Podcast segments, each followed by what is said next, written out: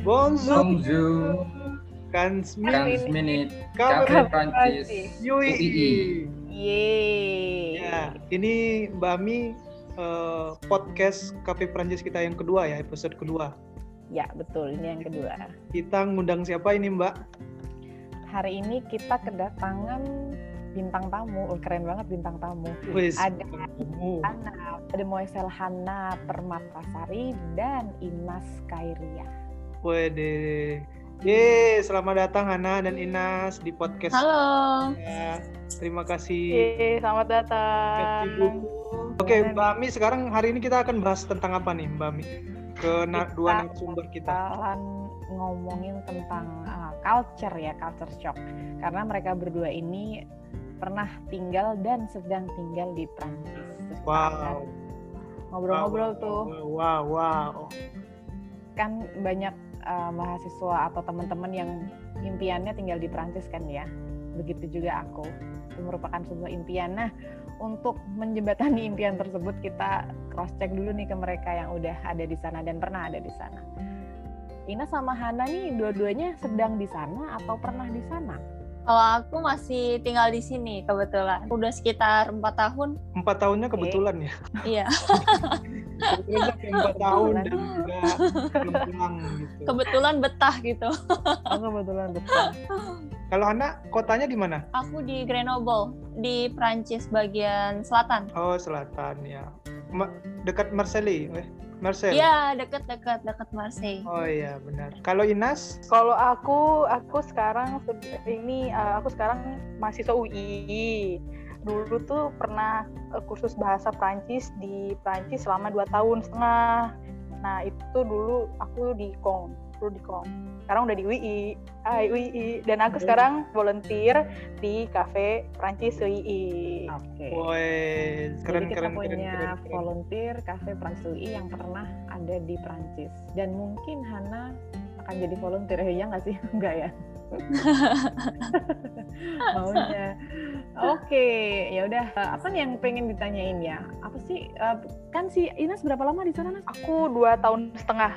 Dua setengah tahun dan Hana sekarang Iya. tahun. tapi kalian eh, ketika Inas di sana itu ketemu Hana nggak di Prancis atau itu beda Sama, kebetulan waktu itu kita bareng-bareng Sama, di sama. sana. Satu apartemen juga. oh gitu Iya, parahnya masak itu. bareng gitu.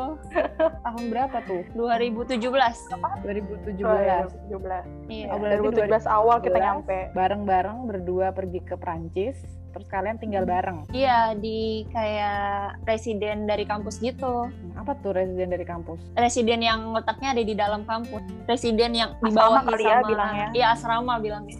Ah, asrama Hmm, ya, asrama asrama, kampus asrama. Mm-mm. itu satu kamar memang berdua atau gimana Enggak, satu kamar sendiri-sendiri. Tapi kita satu gedung gitu. Kan gedungnya ada banyak. Sekitar ada lima atau ada enam gitu.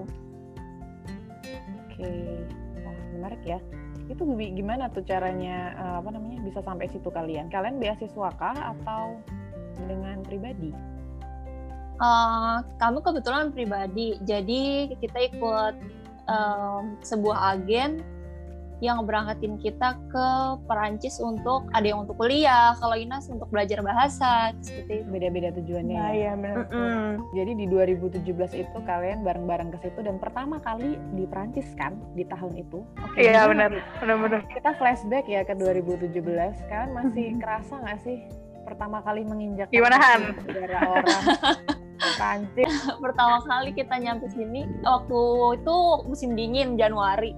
Wah pas sampai tuh sekitar suhunya 3 atau 4 terus rasanya kok aku pikir kok bisa ya orang tinggal di negara seperti ini dingin banget gitu. Udah kepengen pulang sih pertama. Benar benar benar benar. tiga Dingin derajat banget. ya Sampai tuh ada Iya. HP yang nggak bisa nyala gitu. HP Oh nggak bisa iya, nyala iya. kayak ngehang bisa gitu loh, nyala. kayak nge-freeze gitu loh. Bener bener bener parah sih itu. Kayak kita sampai kaget gitu. Hei, emang bisa? Ini kan benda mati. Kok bisa gitu ya? Eh, tapi yang bisa emang. Oke, tiga derajat tuh kalau kita imajinasikan tuh kayak apa ya masuk di freezer kurang kali ya Ya, kurang. yang pasti lebih dingin dari ruangan kita sih, Mbak. oh ruangan kita memang kurang. Ruangan kita yang Oh, iya. yang biasanya 21 derajat aja aku suka gigil kan, apalagi ngerasa kita kan mentalnya eh, 21 derajat ya iya Jadi kebayang kan 3 derajat tuh kayak gimana. Bahkan tuh shocknya mungkin di badan kali ya. Pasti Kalian sakit-sakit badannya. Sakit-sakitan langsung. Sampai mimisan nggak Hana atau ada gejala-gejala lain gitu? Enggak sih. Paling cuma flu biasa. Oh. Bawa tolak angin nggak waktu Eh, itu? bener-bener. Obat handal lah udah manjur pasti mahsyur udah udah kayak yang udahlah the best of the best sih itu buat orang Indonesia ya udah kayak melotot gede gitu Jadi kalian tuh waktu 2017 udah kayak oh kita bakal ada di negara Prancis dan ketika itu musim dingin. Mm-mm. Mbak, benda paling berharga yang kalian bawa adalah tolak angin atau ada minyak benda- kayu putih.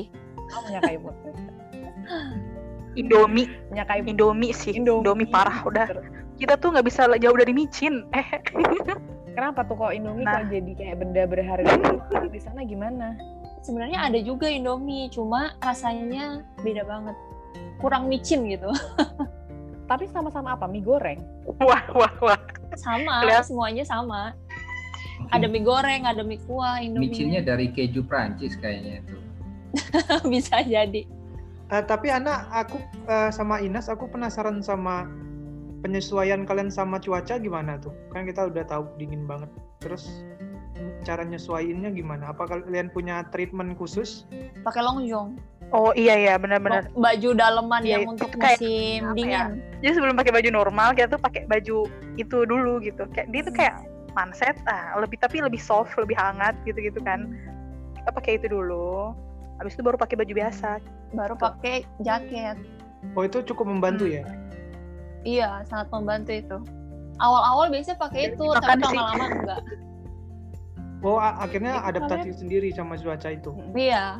Eh, tapi overall kalau anak-anak Indonesia yang mau kuliah ke Prancis bisa nggak sih badannya toleransi dengan dinginnya di Prancis? Sebagai orang Asia pasti beradaptasi dulu. Pasti ada sakit-sakitan dulu. flu lah ya minimal Iya, flu.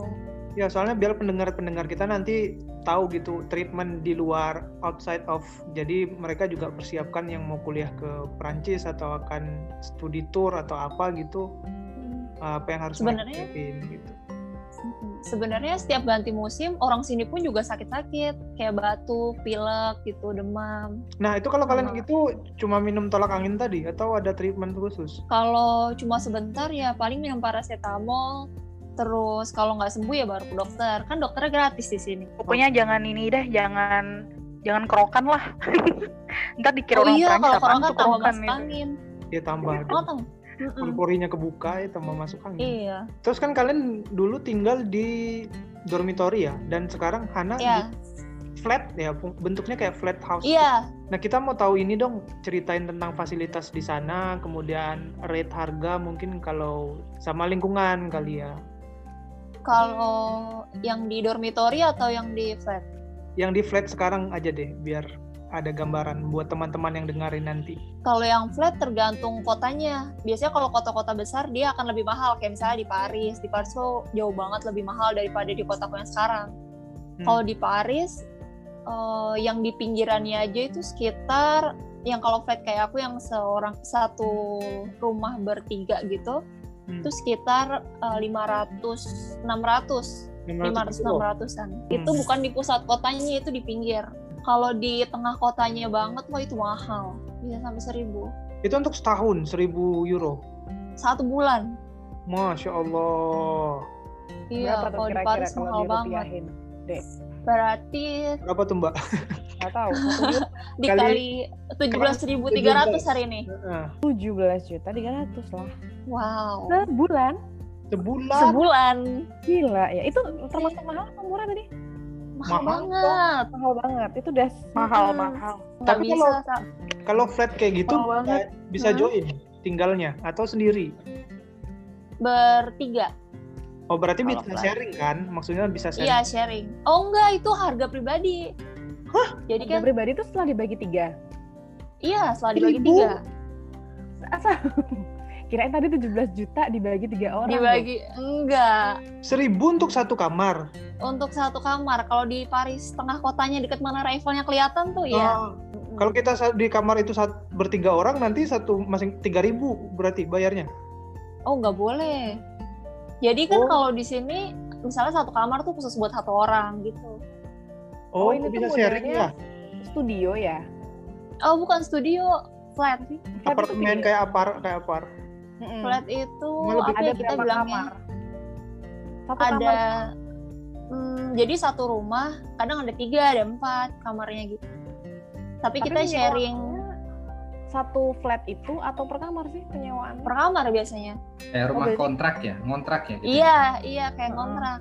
Ngontrak. Tapi di apartemen gitu modelnya. Mm-mm. Oh, berarti kadang-kadang eh, kayak kamu nggak tahu dong siapa temen nganunya, roommate-nya gitu. Roommate-nya kita tahu biasanya kalau misalnya udah ada orangnya kan kita bisa lihat tuh online oh teman kita cewek semua misalnya kita mas masuknya sini aja gitu. Biasanya ada deskripsinya gitu. Oh, dikasih deskripsi siapa Bang, yang udah tinggal di Biasanya. Iya. Kalau di Eropa itu mereka ada website khusus untuk cari flat sih mbak untuk pelajar. Nah, itu tuh keren Iya. tuh. Berarti kalau nyari tempat tinggal di eh, Prancis kita ke website itu. Iya Hmm. dari website. Apa namanya Han? Websitenya? Pakainya ada lebong koang atau juga apartage. Apartage atau Itu Lebong aja. Koang? Iya. Oke, teman-teman nanti yang dengerin bisa di search ya. Yang jelas itu eh, tulisannya Prancis, jangan ngikutin omongan kita. Lebong Koang, ntar nulisnya pakai Q O N G Koang. Bengkoang kayak nama buah-buahan gitu Nah, nggak ketemu kan ya. Soalnya Mbak Ami ini penting banget kan buat teman-teman nanti kalau mau ke Betul. Prancis biar dia bisa cari jangan nenda, bikin malu negara kan masa nenda sampai Prancis kan enggak. Mm-mm. Berarti kalau jadi mahasiswa di Prancis, kamu punya berapa pilihan untuk tempat tinggal sih sebenarnya? Satu tadi apartemen, dua dari uh, universitasnya ya. Iya, dari univers- universitas, terus bisa juga flat yang bareng-bareng, sama studio. Hmm. Tapi kayaknya ada juga sih yang satu kamar berdua gitu. Hmm. Tapi kalau ya yang ada tuh ada yang kayak gitu. tempat tinggal di universitas juga bayar atau itu udah include ke biaya kuliah? Biaya kuliahnya kalau di negeri kan gratis. Oh iya. Jadi nggak include. Kita bayar sendiri untuk Iya, tapi kalau dari kampus gitu lebih murah Hmm. Dibanding yang kayak flat biasa. berapa tuh perbandingannya kira-kira? Hmm, kalau dari kampus sekitar 200 euro. Kalau di luar tuh ya sekitar 500. 400 Lumayan 500. ya. Kalau kita ngomongin harganya yang kayak dua kali lipat itu gimana dengan fasilitasnya? Pastinya beda banget. Karena kalau di waktu aku tinggal sama Inas dulu, dapurnya sharing untuk banyak banget sekitar ada 10 orang ya Nas ya. Iya kayak itu tuh selantai itu kan selantai itu ada tiga lorong. Nah satu lorong tuh 10 orang. Wah kalau misalnya tiga lorong 30, 30 satu dapur. Wah gubrak dah. Terus kulkasnya, kulkasnya juga cuma 10 kali 10 gitu. Kecil banget bener-bener. Iya kecil banget. Kecil-kecil Dan banget. itu sharing ada di dapur kulkasnya. Jadi kita nggak bisa punya es krim sendiri. Walaupun dinamain Leleh, Hana gitu. Iya, dinamain dikunci kali ya. juga. Kalau di Indonesia Iya. kalau selama mampu ya beli aja kulkas sendiri masukin gitu kan ke kamar. Oke, Tapi itu kayak eh, fasilitas apa tempat tidur, lemari itu udah include. Udah. Udah tinggal masuk tidur gitu, belajar gitu. Iya. Iya benar-benar. Nyaman, nyaman banget. Cuma ya itu kecil. Bener-bener. Kadang kalau buat sholat kalau posisi kamarnya nggak pas aduh gimana sholatnya nih ya udahlah yang penting saja sajadannya bisa sana sini udah sholat dah ya. Heeh. Nah yang Menarik begitu ya. tuh menarik kalau dire- direkam gitu diceritain ke kita Eh, sholat susah, ruku susah, Mm-mm. akhirnya terlalu sholat sambil tidur. Cuma di pojokan gitu.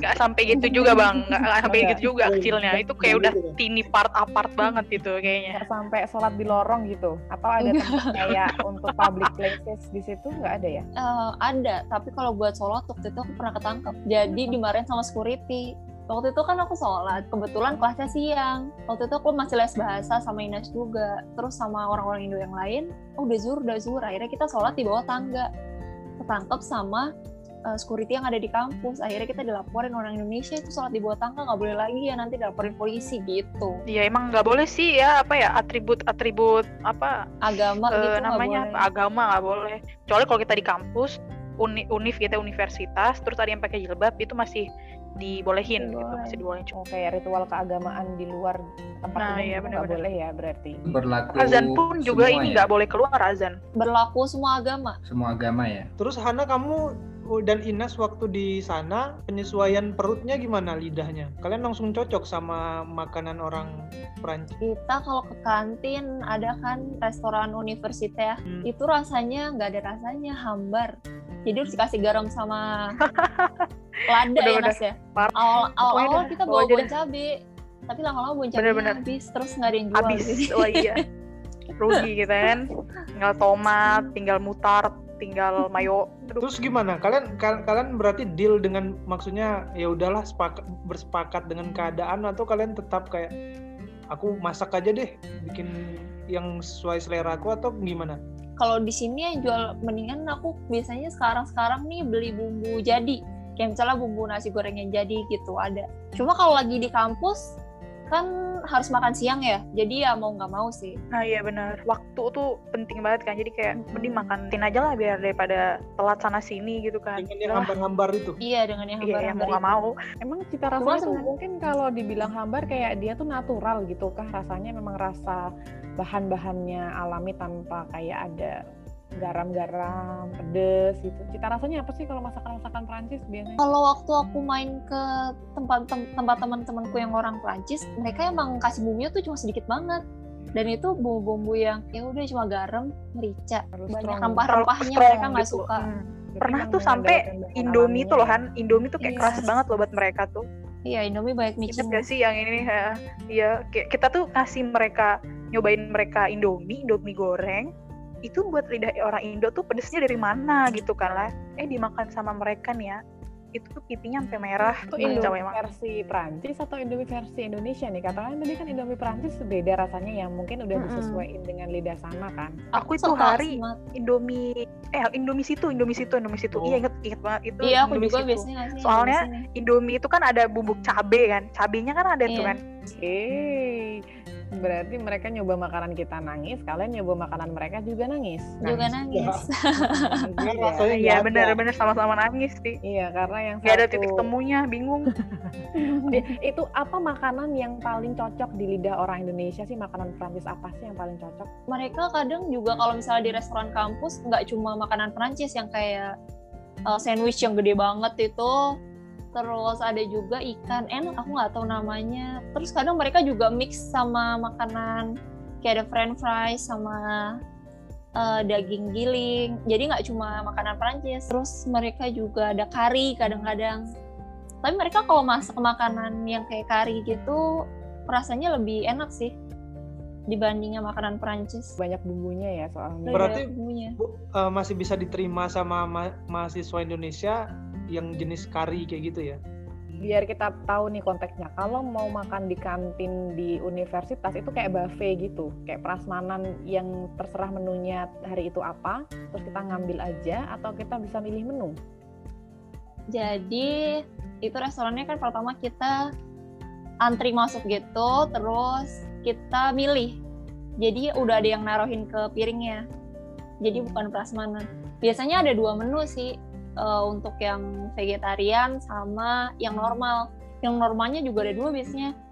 Eh, yang ada babinya sama yang normal yang ikan Oh gitu. Mm-mm. Oh berarti ada variasi menunya ya untuk orang-orang tertentu. Iya. Oke. Wah, menarik ya. karena kayaknya mereka juga tahu kalau misalnya kita nggak boleh makan babi kayak gitu Ah, iya benar-benar. kalau di kampus mereka mak- tahu eh, mereka mau mahamin itu atau kita yang harus nyesuaiin? oh kita harus nyes- nyesuaiin tetap kita harus nyesuaiin sendiri tapi at least kita bisa milih Tapi kadang tuh ada yang bisa tahu sih. Benar-benar ada yang bisa tahu kadang. oh kadang Kalau juga kita nggak tahu kalau itu kan dagingnya ada yang pakai jilbab gitu loh.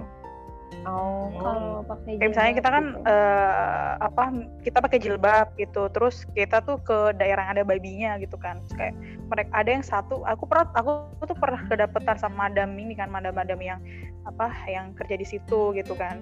Pengen isli, intinya mah pengen ngambil kentang doang gitu kan. Tapi ternyata kentang di sampingnya itu itu burgernya babi dagingnya. Terus kebetulan deketan gitu kan. Terus di madam ini kayak tangannya tuh kayak ngusir-ngusir gitu, hus gitu gitu kan aku bingung gitu kan awalnya kayak siapa sih yang diusir siapa aku yang di belakang aku gitu kan ya, ternyata aku gitu kan terus dia bilang terus dia kayak ada suara-suara kecil gitu dia bilang enggak jangan nggak boleh nggak boleh ini nggak boleh di situ aku bilang aja aku cuma ambil kentangnya gitu oh ambil kentang di situ tuh di daerah grill grill tuh bakar bakaran terus sana sana aja gitu udah oh yaudah oke oke makasih ya gitu Berarti cukup Terus sih- membantu juga ya.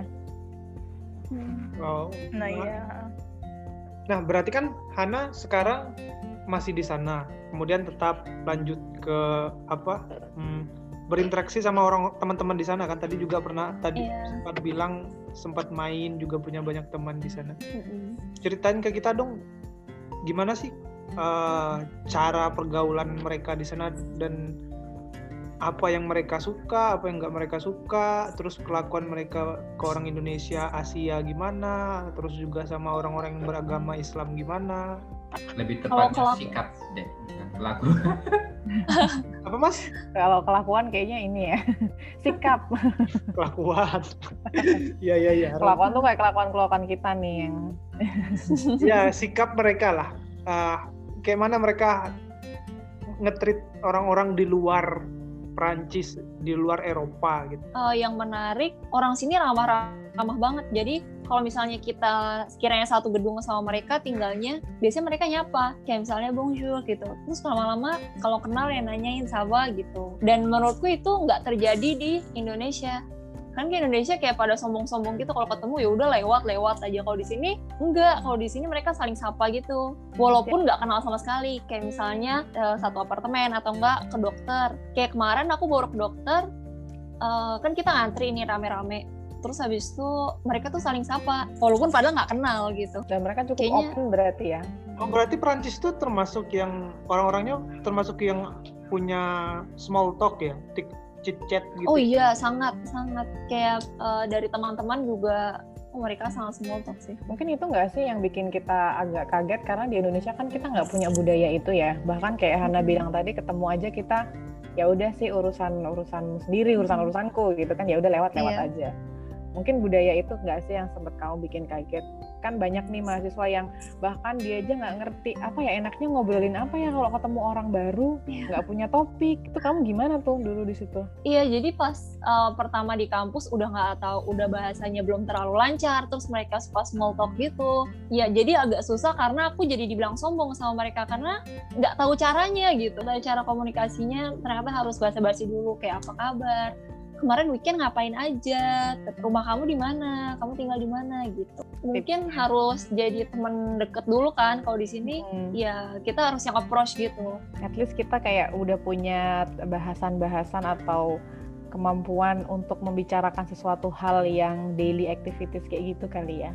Rumahmu di mana? Kamu kemarin ngapain? Ke sini ngapain? Ya, Oke. soalnya kan beda banget kan Mbak Mi. Kalau Hmm. di tetangganya kan di Jerman kan Jerman do, do not do that gitu loh. Mereka nggak Oh iya kah? mereka nggak ada small di talk, Jerman. Mbak. Cuek-cuek. Oh gitu.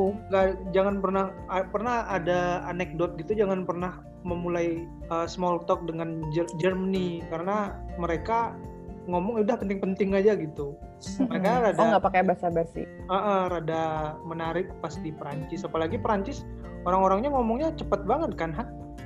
Iya, cepet banget. Susah, Kalau susah. dosen ngomong gitu cepet banget, aduh, suka nggak ketangkep.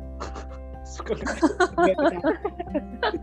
nggak ketangkep. Jadi ya small talk itu penting buat eh, cari teman. Terus kalau tadi kalau misalnya kita kan orang asing, belum bahasa Prancisnya waktu awal-awal tuh masih belum terlalu lancar, jadi butuh teman buat ngasih catatan gitu lah. Itu kalau eh, buat eh, bergaul di kegiatan sehari-hari nih, misalnya kita cuman punya eh, bahasa Perancisnya level A2 lah ya. kan pasti akan ada sedikit kesulitan untuk ngobrol ya. Itu kayak Iya. mereka gimana sih uh, sikapnya mereka sama orang yang kita pengen nih berusaha untuk ngomong bahasa Perancis cuman terbatas dan mereka tuh gimana kayak bantuin kita atau malah ngomongnya cepet-cepet juga. Oh, beda-beda orang. Aku pernah ketemu yang memang uh, support banget gitu. Oh, Hana kalau kamu nggak ngerti, kamu tanya aja gitu. Terus ada juga yang gak usah lah temenan sama dia, dia kan orang asing, ngomongnya aja susah gitu. Jadi benar-benar tergantung sama pribadinya masing-masing. Tapi tetep lah ya pasti akan ada orang-orang yang mau membantu satu sama lain kan. Eh, eh, kamu ini nggak sih eh, apa namanya ikutan komunitas sama orang-orang Indonesia di sana juga? Iya, ikutan PPI. PPI di sini. Penting nggak menurutmu tuh kalau kita di sana terus kita harus ada komunitas bersama orang Indonesia kalau kita di Prancis? penting banget karena eh, pasti kita mengalami kesulitan di sini. Kayak misalnya awalnya nggak tahu kita cari rumahnya gimana caranya terus eh, daftar kuliah terus juga cara bikin paspor. Sebenarnya bisa sih online cuma kan enaknya lebih dekat sama kalau ada orang Indo sama-sama orang Indo gitu sering masak bareng Itu kita gimana ya kalau misalnya kita udah sampai ke situ tuh kan uh, orang baru misalnya di apa di Grenoble ya. Tahu dari mana nih kita harus ngubungin siapa, mulainya gimana? cari koloni biasanya ya lewat Facebook atau lewat Instagram kan misalnya kita tahu nih kita misalnya mau ke kota Grenoble kotaku gitu PPI Grenoble misal Oke, oh berarti tiap Terus kota udah ada misalnya- PPI-nya ya. iya udah ada PPI-nya dan biasanya kalau dikontak langsung dari Instagram gitu mereka langsung jawab Keren sih, aku jadi makin pengen ke sana nggak sih, Dek? Iya. Kalau, Kapan ya kita ke situ ya? kalau udah dapat A2 mbak. Adu aja juga kayak maju mundur, maju mundur. Iya. karena kayak menurutku A2 tuh yang paling susah loh karena B1 itu lebih mudah daripada A2 Wah, Oh iya? mungkin. iya jadi kalau kita udah bisa A2 uh B1 tuh gampang banget Oh bener, untuk A2 itu kita perlu stres dulu. iya itu susah jadi dari A1 ke A2 tuh kayak wow tinggi banget tangganya Heeh, betul, betul. Kan ini sekarang udah bisa tes ekor ederim, tes ekor ederim. Aduh malah Tasyakur Ederim dia sekarang. Oh itu Turki. Kan, kan dia dari Prancis dia pindah ke bahasa Turki sekarang. Mas Gi nih, Mbak Ami, Mas Gi mungkin ada yang mau ditanyain Mas Gi ke ke Hana Inas tentang so- sepak bola, kali sepak bola. Hmm? oh sepak bolanya jelek di sini sepak bola rugby rugby Hati-hati lo. Apa olahraga kegemarannya apa sih di situ orang Prancis? ski kali ya Ski. Mm-mm. Bukan catur kan? Dom ski domino, mereka gaple, gaple enggak? Enggak main juga gaple. gaple nanti ditanyain orang Solo bukan ya ya, Kalau di tempatku kayak- ya main golf tiap hari kayaknya. Oh udah kegiatan sehari-hari golf ya di sini ya. Keluar rumah langsung udah langsung golf kalau di tempatnya Gi. Itu di daerah mana? Hadan Mindi, enggak daerah ini. Gal Mindi. Emang Tepus, tepus, aku. tepus. Pemuda tepus. Tepus. Oh. Mas Gi, ada yang mau ditanyain ke Hana mungkin terkait apa gitu? Iya tadi eh, kita ngomong dari tadi mulainya langsung eh, ketika Inas sama Hana sudah di Prancis. Cerita sedikit ter- tertarik dengan Prancis itu kenapa? Kenapa harus ke Prancis? Kayak keren banget gitu ya Prancis. Nggak sih orangnya budayanya bagus ya di sini. Sopan santunnya juga bagus. Terus nggak nggak urakan gitu orangnya. Nggak sombong-sombong juga. Lebih lihat dari culture-nya. ya. iya. Karena eh, orang tua aku dia orang tua aku lihat kalau itu yang paling penting. Kalau kita kuliah di suatu tempat kan budayanya yang pasti dilihat ya. Nggak jauh-jauh amat nggak sih ke sama Indonesia? Atau jauh tuh? ya kayak orang Jawa lah Grenoble itu selatan ya.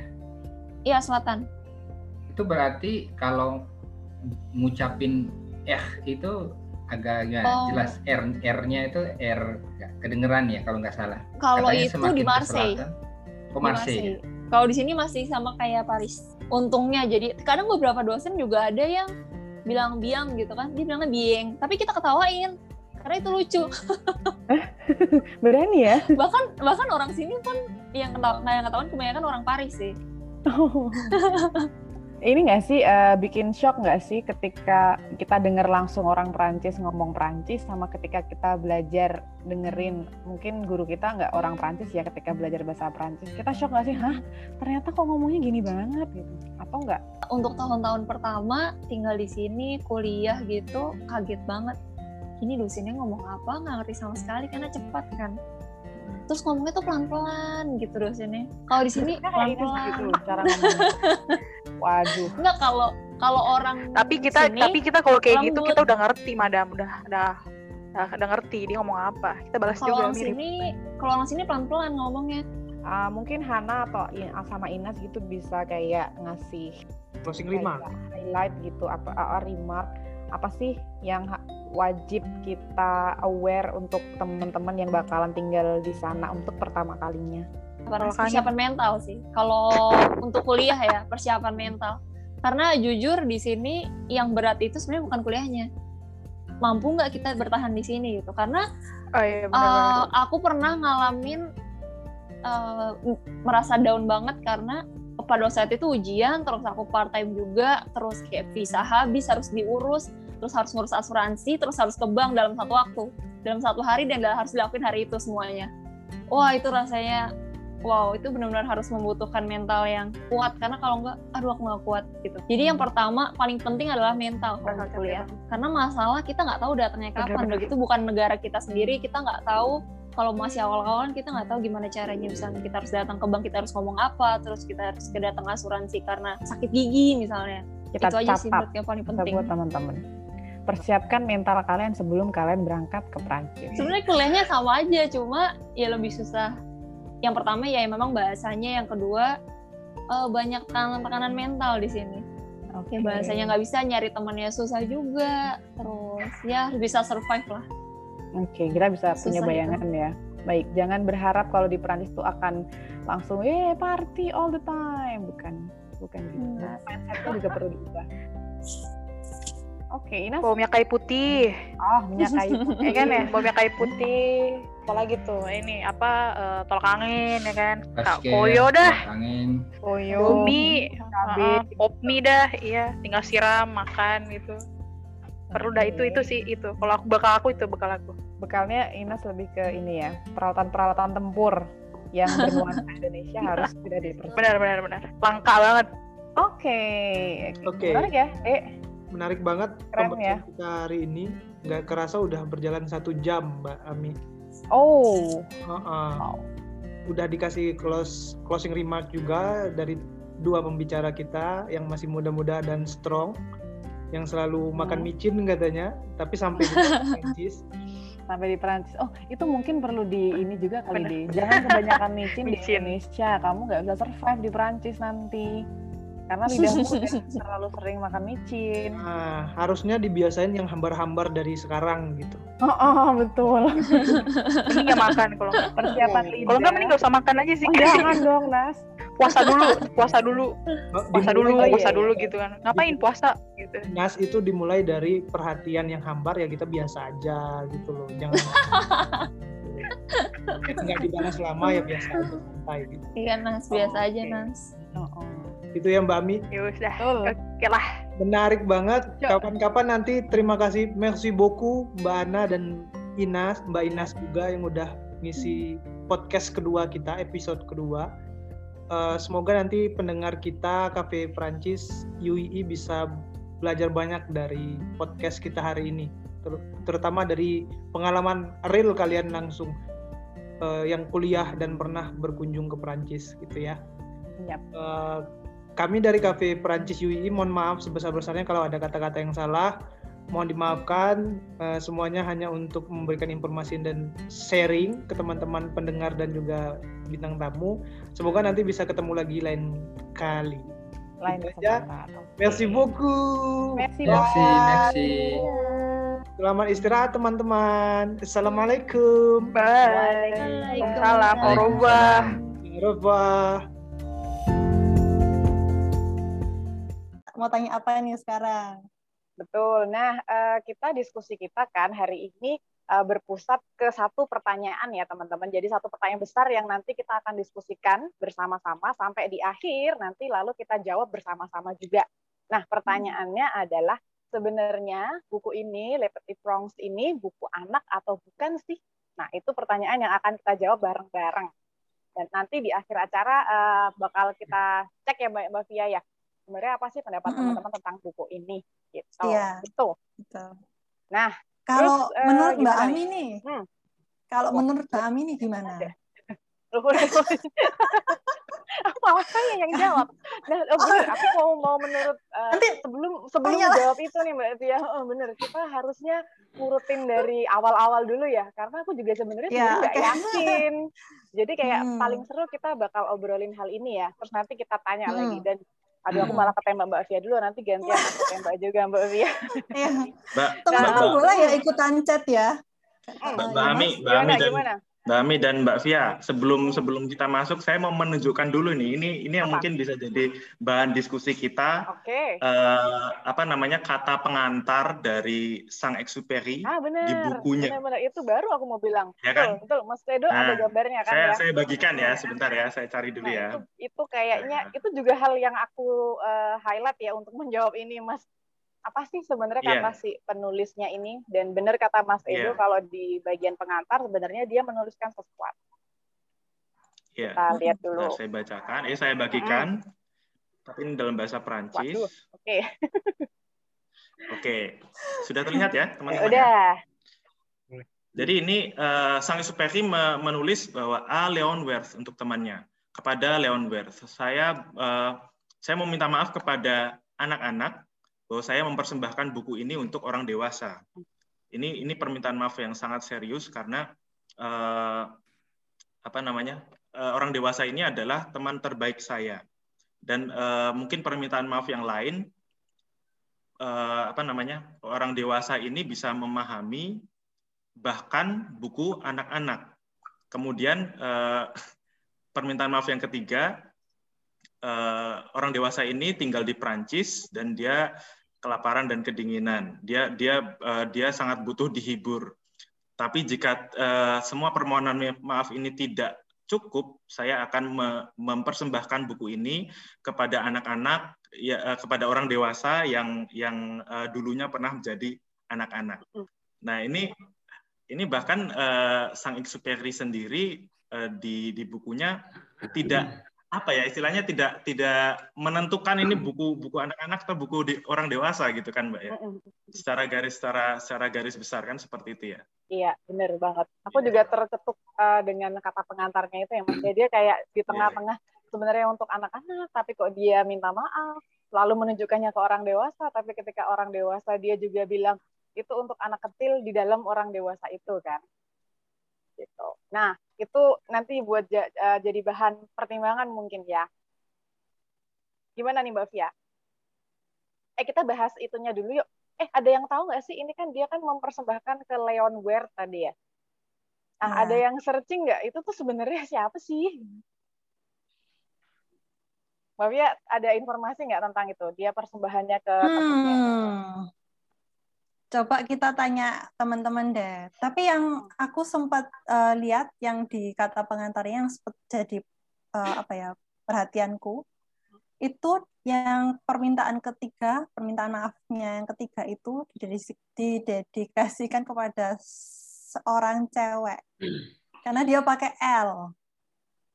Iya enggak? Euh, je pense pas que ce soit comme ça, euh, madame. En fait, euh, le euh, ça fait référence à la personne. Donc, comme vous le savez vous-même, en langue française, à chaque fois on dit une personne ou bien la personne, on fait toujours référence avec, avec elle. Voilà. Sans, sans vouloir dire que euh, sans vouloir forcément dire que c'est une femme. Voilà. Nah, ini nanti bisa kita bahas nih. itu mer- merujuk ke un person sebenarnya via jadi LL di sana tuh Oh, merujuk, merujuk ke un person gitu Hmm. Oke deh. Oke, eh, itu ya. itu maksudnya apa tuh? Mbak, aku A, A level A1 satu ya. Jadi aku nggak ngerti. Mas Alexander itu tadi ngomong apa? Coba Mbak Mbak Fia bisa ngasih penjelasan nggak? Sorry ya Mas Alexander. Gak apa-apa. Iya. Euh, Level Karena- aku belum sampai ke sana. Karena person itu uh, feminin ya. Tapi Iya. aduh, tapi ya mungkin Oh, kita nanti bisa bahas lagi karena tokoh uh, cewek di situ yang menarik di Peti Perang itu cuma satu yaitu si Rose.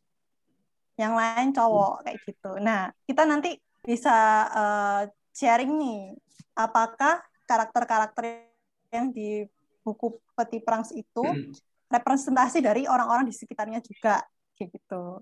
Karena eh, menurut aku, menurut aku nih si eh, apa pilot itu representasi juga dari pilot sendiri. Si pilotnya itu si Antoine dewasa. Nah, peti perang ini mungkin sisi dari anak kecilnya si Antoana gitu. Gimana Mbak Ami Mbak Ami? Oke, kita berarti bahas ke apa namanya latar belakang dari ininya dulu ya Mbak ya bukunya dulu ya. Mm-mm. Benar. Nah, ini juga aku kita setuju kita juga uh, kita juga bisa si nanti narator itu adalah si penulisnya itu sendiri ya. Mm-mm.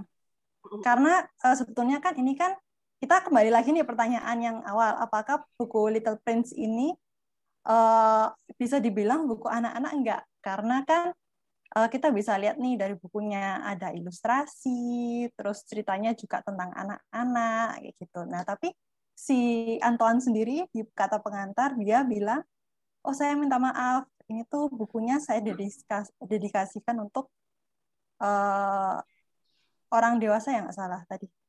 Ya, untuk orang Saya dewasa. kurang Iya, yang yang pertama untuk orang dewasa. Tapi kemudian di Nah. yang terakhir malah di ini kan di dibalikkan sendiri. kan ya itu gimana nih Mbak Ami? Ya, Mbak kalau Ami? kalau kita bahas si penulisnya kan dia eh, settingnya waktu nulis ya kayaknya ya itu waktu Perang Dunia Kedua ya. Dia juga sama-sama seorang pilot kan sebagai penulis juga pilot, nah si narator juga pilot juga. Lalu kayaknya eh, aku baca-baca nih bahwa si eh, penulis itu juga punya experience yang sama dengan si narator. Dia juga pernah terdampar di apa sih desert apa ya bahasa padang Gurun pasir, pasir. ya, gurun pasir, sama-sama di Afrika juga. Ketika itu dia juga Ya. sendirian dan eh, Hmm. menurut ceritanya nih ketika itu dia apa namanya sendirian di gurun pasir itu dan sedang nungguin eh, bala bantuan. Nah ketika dia nunggu itu dia itu jalan-jalan sendiri.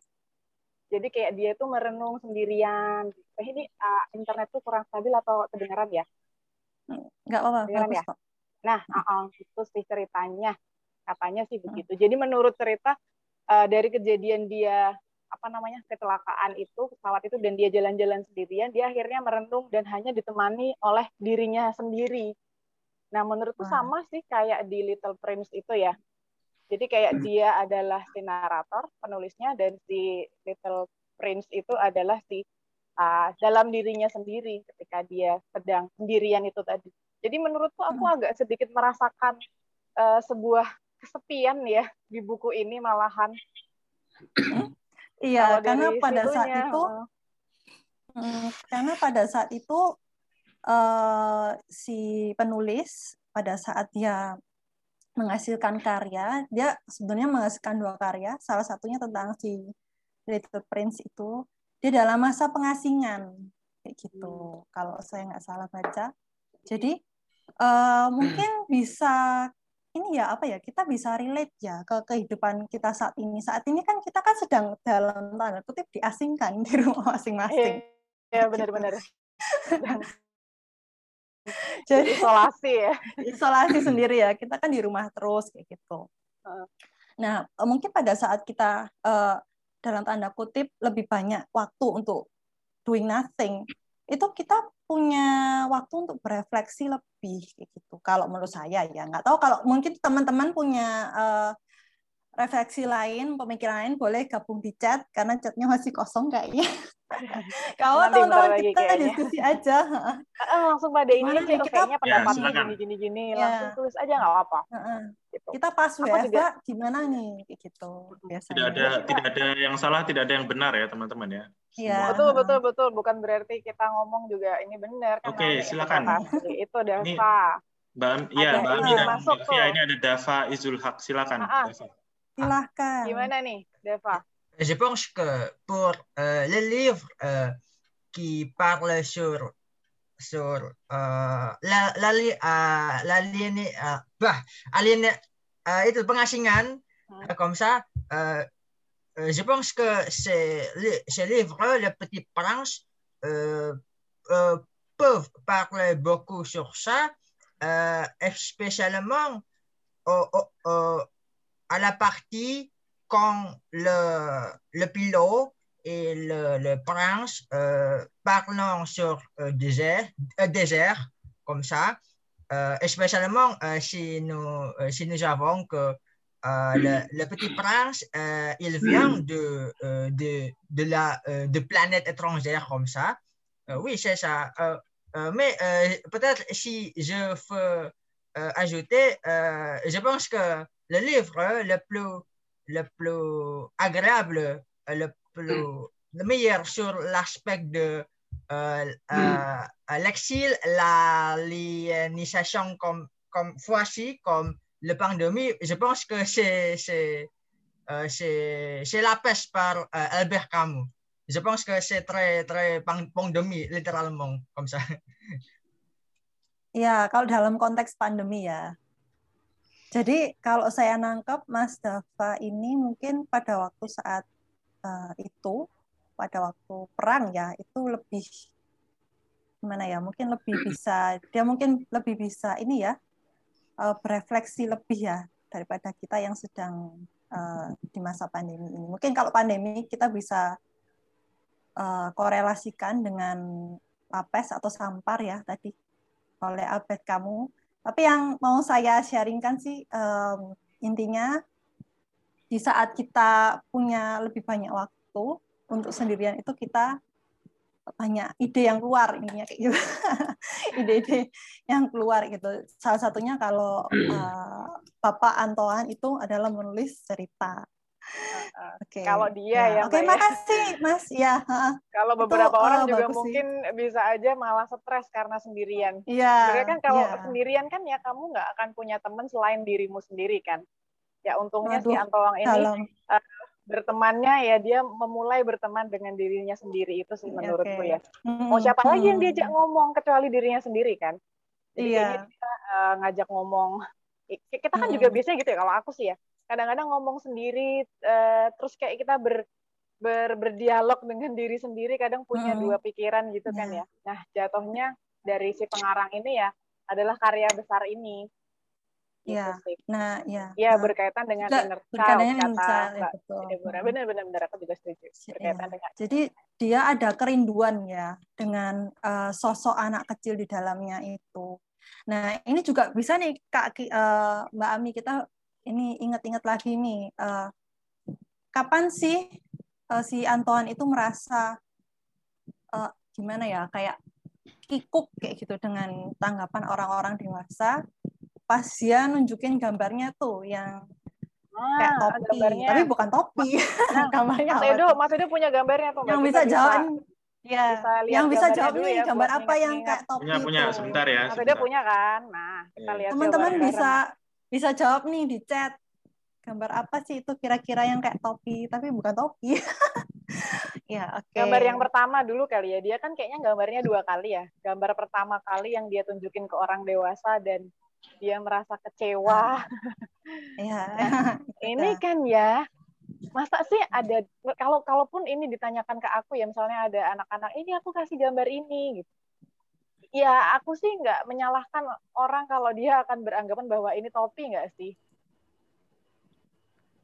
Mau lihat dari mana Hmm. kalau itu ular ya? Nggak ada yang tahu juga. Iya. ya kan? kecuali kita Iya. bisa Padahal kayak ini, zoom. padahal ini ada, nah ada, ma- bener. ada matanya. kita bisa zoom out ke situ Ada ya matanya kalau coba dilihat mas ini. di zoom bisa nggak? Itu beneran mata atau enggak tuh? Mungkin ada interpretasi lain mungkin. Nah. Ini. itu kan ya lucunya ada interpretasi ketika, lain. ketika ah, lihat gambar ini ya begitu ya. Teman-teman ya nggak sih? Ah, setuju nggak sih? Atau kayak siapa tahu punya imajinasi atau interpretasi lain ya selain topi? Kalau Iya. aku sih topi ya. Mbak Via apa nih? Pertama lihat ini apa? Topi juga atau beda lagi? Aku kayak topi Apa ya? cowboy Sekarang gitu, aja topi ya. kulit. Em, ya bisa sih. Bisa juga. Apa ya? Cuma oh bercak ada yang bilang bercak orang di dalam selimut loh Mbak Lita, Oke. eh, Mbak Lita bilang orang di dalam selimut itu imajinasinya cukup juga ya. Hmm, Yang lain ada lagi bisa apa selain aja itu? sih Orang dalam selimut. Nah, ini ular ular makan gajah. Ya, ini mah Makan- aslinya makan sih ya. baca. oke nah Kupu-kupu Setelah kejadian ini- itu. Oh, Deborah. Waduh, Oke. oh ya bisa juga sih. Maaf. Iya iya iya iya. Nah setelah kejadian eh, si pangeran kecil menunjukkan gambarnya, terus kan eh, tanggapannya orang-orang dewasa lainnya, oh ini bukan topi. Nah akhirnya dia kayak kehilangan apa ya sisi kepercayaan dirinya mungkin ya. Mm-mm. Kayak dia menyerah kali ya untuk udah saking capeknya kan kok orang nggak Ya. ada yang ngerti maksudku sih maksudku tuh bukan gambar topi loh tapi kok semua orang nganggapnya ini tuh topi padahal ini gambaran keren ular makan eh, gajah ya terus kan dia lalu bikin gambar kedua kan ya udah deh tak bikin ulang. Lalu diliatin nggak sih tuh gajah di dalam perutnya itu? Bukan cuman dari luarnya doang. Biar orang dewasa tuh ngerti. Nih tak Uh-uh. betilin lagi. Dia kan bilang gitu ya. Iya. nah mungkin Eh, malah tapi dari tetap sini aja. Mm, malah tetap aja.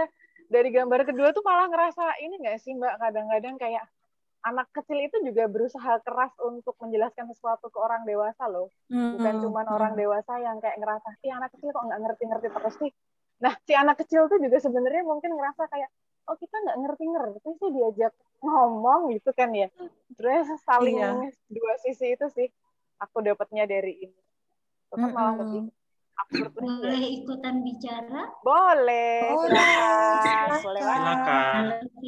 Selamat Gimana nih, Tia. Mbak? Jangan-jangan saya sudah lupa saya. Eh, halo Mbak Irma. Maaf ini apa internetnya. Sama. Eh, kayaknya Mbak. saya senior sendiri, tapi tetap merasa tidak pernah jadi senior. Iya, dengan participants ini apa pangeran kecil, saya bicara bahasa Indonesia aja. Boleh, Terima silakan. saya yang senang Senang hati ya. Kok tutup? Eh, Ah, jadi keluar lagi gini. Eh, dengan peti mas ini pengalaman saya itu dengan anak saya. Nah justru eh, dari kecil ya justru eh, apa dengan membaca peti mas ini jadi eh, terutama di halaman di bab-bab pertama ya, terutama di bab-bab pertama eh, ketika anak kecil dikasih tahu bahwa apa sih itu? Ini bukan apa, gambar apa? Oh, bukan gambar mau gambar ular misalnya yang makan gajah gitu. Gajah dari mana itu gambar topi ketika dikasih seperti itu eh, anak akan jadi apa? Eh, tidak percaya diri ya. Maksudnya A eh, tapi ternyata B gitu yang dianggap. Nah jadi eh, saya praktikkan ke anak saya mau dia coret-coret dinding kayak apa pun dinding bisa kita lah beli cat kalau enggak jadi hiasan rumah atau cat-catnya gitu.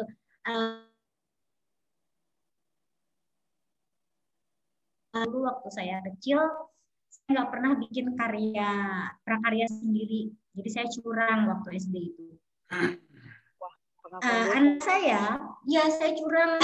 Jadi dibikinin kakak bikin apa bikin sepupu. Terus eh, anak saya eh, ketika saya mau bantu dia bilang jangan ah nanti jelek kalau sama emak katanya begitu. Jadi dia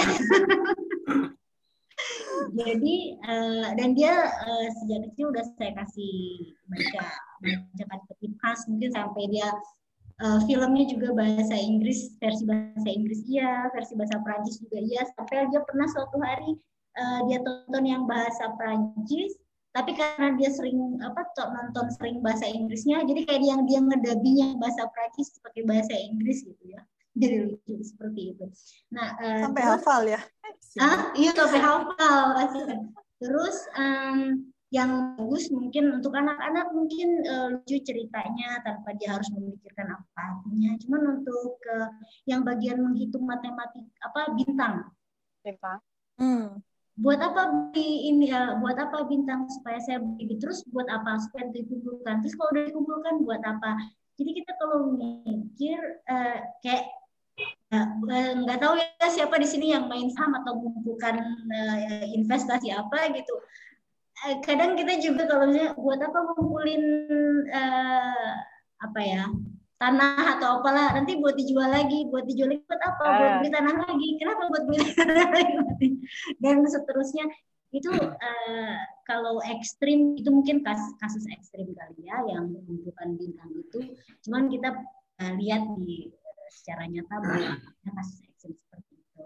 Jadi eh, terus yang menyalakan lampu dan matikan lampu kerjanya hanya itu saja rutinitas kita kalau misalnya jadi membosankan tidak ada maknanya lagi itu hanya menyalakan dan mematikan lampu itu mungkin yang kalau dari dari, saya seperti itu maaf ini kameranya hancur apa-apa Mbak. Thank Gitu you buat aja. sharingnya. sharingnya Iya. Iya, salam buat El. Udah besar masih. Iya, kakak. kakak Via. Oke. Menarik ya ini ya Mbak Iya. Fia ya dari Hmm, Mbak Irma. Iya. Jadi ada perspektif Iya. dari pembaca kalau pembacanya benar-benar anak-anak. Kalau kita di sini kan pembacanya rata-rata orang dewasa ya. Nah dari Mbak Irma udah kita punya. juga kayak eh, ada masukan nih. Ternyata bisa jadi point of view-nya berbeda ya. Apa yang kita ambil dan anak-anak ambil tuh bisa jadi berbeda. Iya, iya benar sih Mbak. Karena eh, apa ya? Ketika kita baca buku yang sama ini, mungkin eh, lima tahun yang lalu kita baca buku yang sama dengan kita yang sekarang baca bukunya yang sama juga itu pasti punya persepsi yang beda-beda kayak gitu. Apalagi kalau sudah tambah dewasa ya beban hidup sudah semakin banyak. Jadi kita bisa interpretasi yang lain-lain. Oke nih, tadi Mbak Irma menarik sih sharing tentang dua karakter ya, yaitu yang peng, eh, bukan pengusaha ya. Intinya Ini seperti penghitung bintang. penghitung ya, ya. Ah, ya, oke. Pengusaha sama eh, yang matiin lampu ya. Kalau saya boleh sharing sih, kalau ini interpretasi bebas saya ya, tafsiran bebas ya. Kok kayak kok kayaknya si eh, betul eh, saya setuju sih dengan eh, Madam Irma di mana pengusaha itu kok kayaknya sepertinya eh, kayak pengusaha-pengusaha sekarang. Jadi saya tertarik sih dengan satu scene, satu dialog ya, yang di mana eh, dia bilang itu nggak salah eh, bintang itu kan nggak ada yang punya sebenarnya. Kan kayak diamond, permata atau ide itu kan sebenarnya tidak ada yang punya. Dia akan meng- mempunya kayak apa ya, mengakui kalau itu punyanya dia ketika orang pertama yang menemukannya. Jadi kayak gitu. Jadi eh, di situ menariknya kayak gitu. Jadi waduh berat ini kalau ngomong kolonialisme kayaknya. Iya. Jadi intinya seperti eh, apa ya? Oh ini aku yang menemukan pertama kali berarti aku yang punya. Dan itu kembali lagi pertanyaannya. Terus ngapain kamu ngumpulin bintang? Oh ya untuk eh, beli bintang lagi, beli bintang lagi kayak gitu. Nah ini juga sebenarnya eh, apa ya literatur tuh kadang nggak kemakan zaman kayak gitu loh. Karena eh, sejarah itu kan terus terulang ya kayak pattern kayak gitu ya. Jadi apa yang terjadi di tahun 1940-an karena buku ini ditulis pada tahun saat itu itu juga masih terus terjadi gitu loh di eh, era sekarang. Dengan cara dengan media yang lain juga gitu. Terus nih sebagai apa ya si pema- pemati lampu, nah itu kok kayaknya kayak eh, apa rutinitas ya terus menerus. Jadi suatu ruti- rutinitas yang dia nggak tahu kerjaannya tuh apa tanpa makna.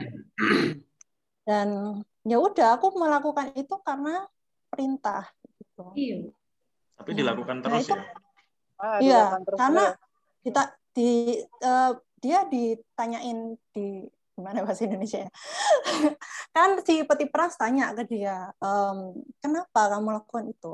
Is an order, itu adalah perintah gitu. Jadi dia nggak tahu dia tuh apa gitu, apa eh, maknanya dia melakukan itu. Kok makna kayaknya terlalu jauh ya? Apa gunanya dia melakukan itu kayak gitu. Hmm. Nah, ini juga kalau menurut saya tafsiran bebas lagi ya, itu seperti em, mungkin pegawai-pegawai masa kini ya, di mana dengan pattern mungkin kalau kita yang lebih beruntung kita kerja dari pagi sampai sore kita punya waktu sampai malam kita bisa spend time dengan teman atau keluarga ya tapi mungkin beberapa orang yang kurang beruntung seperti mungkin eh, buruh dan lain-lain yang harus lembur cari kerja uang itu mereka kadang kehilangan apa Waktu. ya namanya conscious consciousness-nya kesadaran diri nah kayak gitu sih. Nah teman-teman juga boleh gabung ya gabung ya di chat. Gimana? Ya mungkin ada yang nggak setuju juga boleh sih. Ah, aku nggak setuju sih ya. mbak itu. aku malah eh, beda pendapat ya dengan mbak Fia ya kalau ya ngomongin boleh boleh boleh. Ya apa tuh namanya tadi? Penyulut lampu ya. Mungkin eh, Ya. di ba- itu kan eh, beberapa asteroid ya sampai ke enam kalau nggak salah. Dan si penyulut Iya, lampu betul. tuh di awal-awal ya keberapa sih? Catatanku ada di penyulut eh, Eh. kelima ya planet kelima Iya, Nah, yang dibandingin ha. dibandingin Hmm. sebelum-sebelumnya kan dia ketemu orang-orang yang dia pikir kayak "Ah, apa sih mereka kok melakukan hal-hal yang useless orang dewasa tuh kok selalu ngelakuin hal-hal yang kayak gitu sih terlalu serius-serius tapi loh emangnya kenapa dia kan tanya gitu kan lalu me- ah, balik lagi ketemu si penyulut la- lampunya itu dan dia merasa oh ini kayaknya malah orang ini lebih baik deh dibanding orang-orang sebelumnya yang aku ketemuin at least dia itu punya Hmm. tujuan yang jelas dia kan dia nyulutin lampu buat Hmm. pagi lalu uh, matiin lampu buat malam gitu-gitu kan gitu terus-terusan. Nah dia menurutku emang dia itu simbol dari orang yang sangat disiplin ketika dikasih perintah. Cuman malah ini malah menurutku bisa jadi kayak orang-orang yang kerja loh mbak. Orang kerja menurutku ada yang kayak gini. Dia dikasih perintah lalu dia akan mengerjakan perintah itu dengan taat. Cuman kalau misalnya ada masalah atau ada konteks yang berbeda dia nggak bisa nggak bisa punya inisiatif untuk melakukan hal yang lain kayak kurang kritis. Karena kan si, si Pak eh, pangeran kecilnya itu kan udah ngasih ide ya sebenarnya menurutku. Eh kamu daripada setiap detik matiin matiin nyurutin matiin nyurutin kan kamu mending geser sedikit.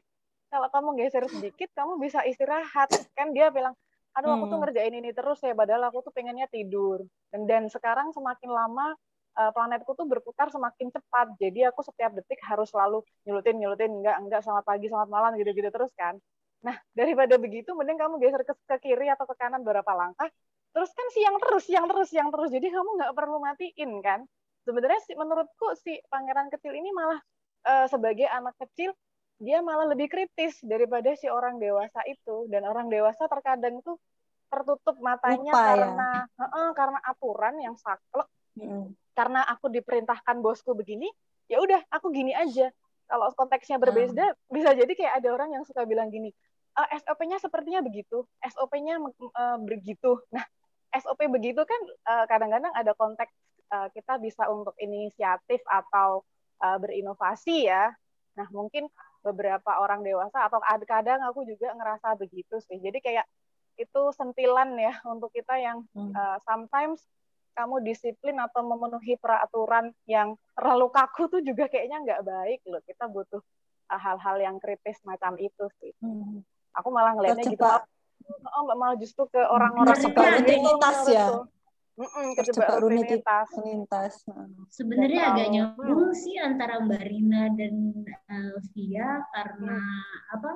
Eh, yang satu ya karena rutinitas jadi kehilangan makna justru ketika yang uh, tidak out of the box itu karena disiplin minimal misalnya kalaupun buruh gitu ya eh, yang tadi yang Mbak Mbak Via angkat Sofia. eh, dia ada tujuan saya mencari kerja saya apa Betul. saya mencari apa sih namanya Eh, Eh, nafkah untuk nafkah gitu. dia dia ada tujuan gitu sementara pegawai yang maaf yang Hmm. memang saya enak mungkin tapi karena dia sudah enak justru out of eh, tidak apa udahlah eh, zona nyaman gue ini ngapain berinovasi gitu kan ya kan Iya. udah udah kalau misalnya Iya, gue benar. berinovasi ntar gue pusing lagi Iya. gitu Ah, benar Iya. itu juga. Gue Kadang-kadang pusing gitu lagi ya. Terus stop. nyaman kayak gini ngapain juga jadi agak juga sih antara Mbak dan Mbak Iya.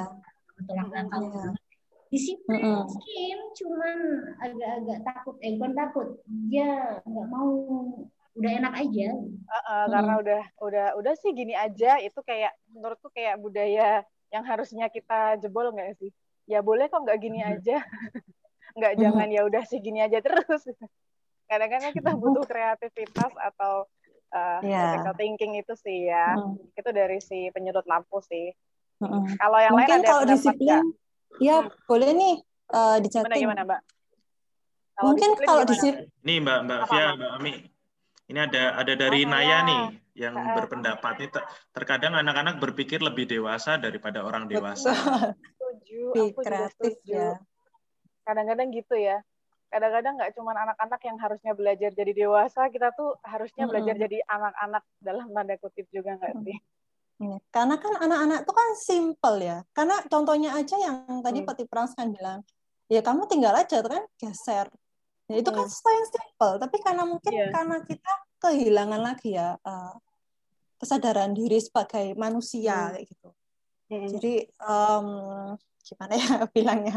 Jadi eh, ketika kita menjalani rutinitas, disiplin tuh baik sebenarnya, baik untuk eh, orang-orang di sekitar, terutama mungkin untuk perusahaan ya. Eh, tapi secara tidak langsung kita ini kehilangan kita sendiri gitu loh kayak um, kalau kalau teman-teman pernah baca karya Germinal itu di situ tuh contohnya memang berupa pabrik itu uh, mereka karena jam kerja yang sangat panjang akhirnya mereka hilang makna kemaknaan diri mereka gitu mungkin itu yang terjadi juga dengan uh, kita para orang dewasa yang work all the time gitu loh. Nah, jadi uh, kita mungkin perlu juga mengambil satu pos ya kayak uh, peti perang itu. Jadi kita perlu juga uh, berpetualang ini si peti perang itu kan juga dia berpetualangan akhirnya keluar dari planetnya gitu dan dia menemukan banyak sekali tantangan ya dalam kutip ya tanda kutip ya orang dewasa itu kan suatu yang berbeda untuk dia. Jadi itu menjadi tantangan untuk dia gitu. Dan dia juga ini sih akhirnya kan dia menemukan dirinya sendiri kan uh, untuk berpikir simpel kan. Padahal kan uh, sebelumnya di planet uh, planetnya dia itu dia sempat ada apa ya kayak cekcok cekcok juga ya kayak uh, uh, gimana ya Mbak Ami yang bilangnya sama bunga mawarnya itu itu oh iya iya agak iya sedikit iya, bertengkar nah agak sedikit bertengkar dengan bunga mawarnya akhirnya kan dia planet-planet uh, lain gitu. Oke. Okay.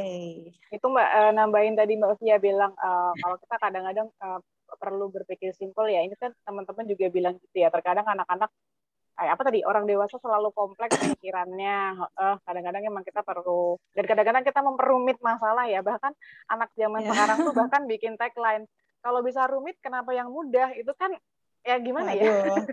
Bener sih itu bener loh. Kadang-kadang kalau orang tuh malah justru yeah. memperumit sesuatu hal yang simpel. Enfin, enfin, kan? euh, si je puis euh, ajouter c'est que le thème du livre ça, ça pourrait bien il pourrait se résumer par, euh, par cette phrase qui dit euh, on ne voit pas par les yeux, mais plutôt par le cœur. Donc, mm. euh, euh, enfin, revenons à ce que vous avez dit, Madame Octavia, c'est que le livre s'est écrit euh, vers 1940 ou bien dans les années 40 où il y avait beaucoup de guerres.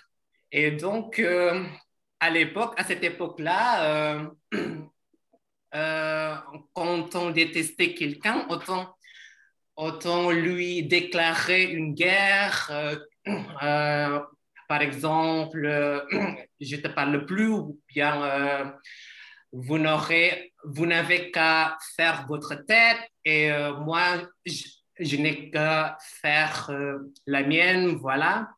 Mais à travers au travers du, euh, de ce petit prince, ce qui est pour moi non plus euh, pas du tout un livre euh, pour enfants.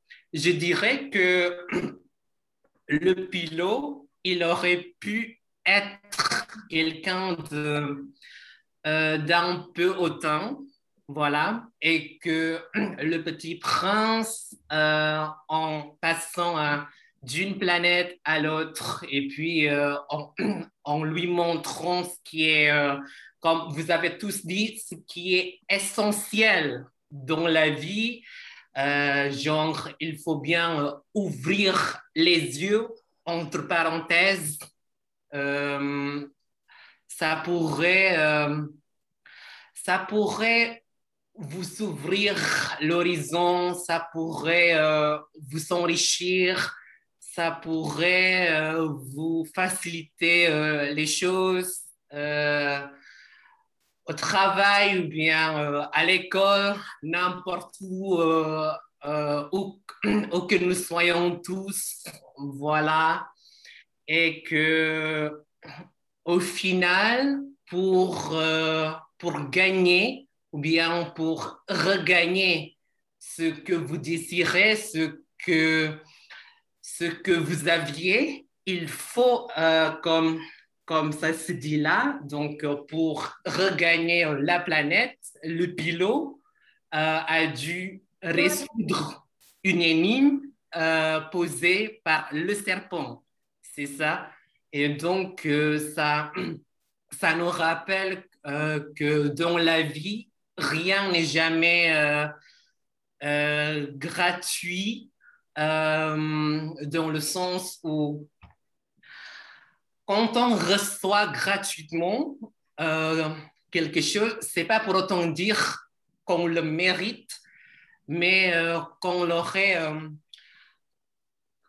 qu'on qu'on s'est battu euh, pour ça en fait, à notre insu. Voilà. Et donc, euh, pour moi, euh, la leçon la plus, la plus importante, c'est de, euh, encore une fois, de, de voir plutôt euh, par les yeux, voilà, et euh, moins, euh, pardon, de voir plutôt par le cœur, voilà, comprendre autrui, les autres, quel genre de personne il est, quel genre de personne elle est, quel genre d'individus euh, ils ont tous, ou bien, ou bien euh, elles ont toutes, et puis de, de, de battre, de, de se donner, de se livrer à fond pour obtenir ce qu'il nous faut. Voilà. Oke. Oke, makasih Mas Alex. Merci beaucoup. Merci, Alexander. Silakan Mbak. Fia diterjemahkan. Panjang ya. Tapi, Tapi yang saya, tapi yang aja. saya, aku tadi bicara gini. Em, Aku hanya menangkap waktu aku di Prancis, waktu aku di Prancis, waktu mencari souvenir untuk teman-teman aku di Indonesia, aku tahu bahwa memang Le Petit Prince ini dia sangat populer, sangat populer. Dan eh, memang dari berbagai macam souvenir yang dijual mengenai Le Petit Prince ini, ada quote yang mengatakan on ne voit pas par les yeux, mais plutôt par le cœur. Jadi kita itu melihat sebenarnya tuh kita tuh harusnya melihat pakai hati loh, seperti itu. Nah, bahkan kita harusnya selama ini itu melihat seseorang, melihat sesuatu itu pakai hati. Nah, dan tadi Oke. sempat disebutkan sama Ibu Octavia bahwa eh, buku ini kan ditulis di tahun eh, kira-kira di tahun 1940 di mana sedang banyak perang dan dan dan yang- dan yang lain sebagainya.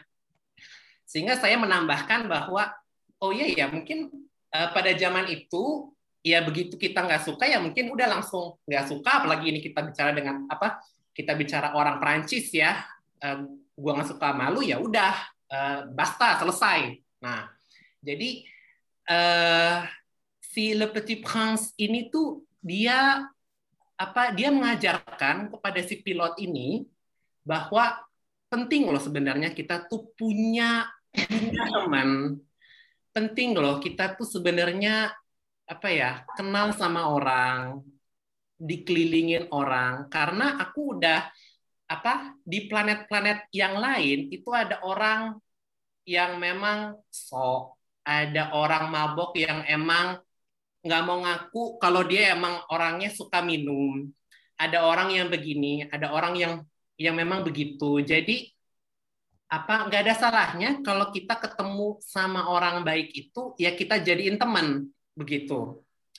Nah jadi eh, buat aku pelajaran nomor satu yang bisa diambil dari buku ini adalah eh, cobalah kita melihat seperti yang bapak yang teman-teman tadi semua apa kemukakan dan melihat seseorang atau sesuatu itu dari berbagai macam sudut pandang. Eh, seperti misalnya ya di perusahaan aja lah kita semua sama-sama orang kerja di sini. Eh, apa banyak praduga kok dia tidak mengerjakan atau dia kok dia begini kok dia begitu bahkan dari kita ke anak-anak kita kita ke orang lain eh, aku nggak tahu sih eh, bisa siapa pun kadang-kadang kita dengan alibi supaya cepat atau ya emang kelihatannya begitu yang yang gua tangkep pakai mata, yang gua tangkep pakai pikiran gua, jadi ya udah, gua udah nggak peduli. Toh kalau ditanya aku dia dia akan pasti Oke, bohong. iya oke. Makasih Mas Alex. Thank Bagus you, banget Mas Alex sharingnya. bahasa. Iya, jadi ini ya Mbak ya, eh, Mbak Ami yang aku bisa tangkap ya dari eh, Mas Alex ini ada nih quote yang favorit dari Mas Alex yaitu eh, kalau saya nggak salah yang esensial adalah yang ya? eh, iya mungkin ya. Yang esensial adalah yang eh, dilihat dari hati, eh, dan bukan dari mata. Ya intinya seperti itu. Kayak gitu. Saya nggak terlalu hafal eh, sentence penuhnya ya. Nah kalau Mbak Ami nih, mungkin kira-kira ada nih quote eh, yang menyentuh hati, yang bisa bikin Mbak Ami Banyak berefleksi banget, lebih. Mbak. Aku tuh kayak dari awal sampai deh. akhir banyak banget Hmm. eh, apa namanya part-partnya. Bu Octavia tadi Hmm, sebetulnya saya belum apa? selesai. Eh, satu pelajaran lagi terakhir eh, yang Oke. saya tarik dari Le Petit Prince ini adalah bahwa harus berjuang untuk mendapatkan apa yang kita mau. Karena di akhir si Le Petit Prince ini kan dia harus menyelesaikan teka-teki ya untuk bisa balik ke eh si eh, pilot itu harus menyelesaikan teka-teki untuk bisa balik ke planetnya. Jadi ya berusaha sebisa mungkin untuk Ya. mendapatkan apa pun yang kita mau. Oke. Oke, nice, nice, Mas Alex. Sebenarnya awalnya nih, Mas, kita mau ngomongin apa yang bisa kita petik tuh nanti, tapi karena Mas Alexander udah ngasih Udah bocoran keduluan ya. beberapa, bahkan udah dua ya loh. Dan itu Iya. mungkin akan sangat banyak dan balik lagi ya, setiap orang pasti punya hal-hal yang dipetiknya berbeda-beda uh, di di segala part sih menurutku. Dan ini tuh bukunya kayak uh, penuh dengan hal yang bisa kita petik dari dari sisi mana pun sih. Mau dari sisi yang tadi Mas Alexander bilang. Dan itu kayaknya kalau aku dengar dari Mas Alexander bilang sih eh, kebanyakan itu dari si ini ya si rubah ya kayaknya ya. Yang Eh, apa yang tidak ya. terlihat eh, apa yang yang penting yang terpenting itu tidak selalu kelihatan oleh mata dia bilang gitu. Kalau di versi bahasa Indonesia. Betul. jadi Iya. kita nggak bisa langsung eh, judging orang dari apa yang hanya kita lihat aja bisa Betul. jadi backgroundnya kita kan ada hal-hal cerita-cerita yang kita nggak ngerti. Jadi mungkin tahan diri dulu jangan langsung judging Ya. orang tiba-tiba Hmm. mungkin itu ya yang bisa kita petik ya. Dan kadang-kadang kan kita melakukan itu baik secara sengaja ataupun tidak sengaja ya. Aku juga kadang gitu mas. Bener banget. Sama mbak sama sama sama di sini Oke, ini eh, karakternya si Rubah ya, atau kita mau bahas karakter Rubah dulu nih.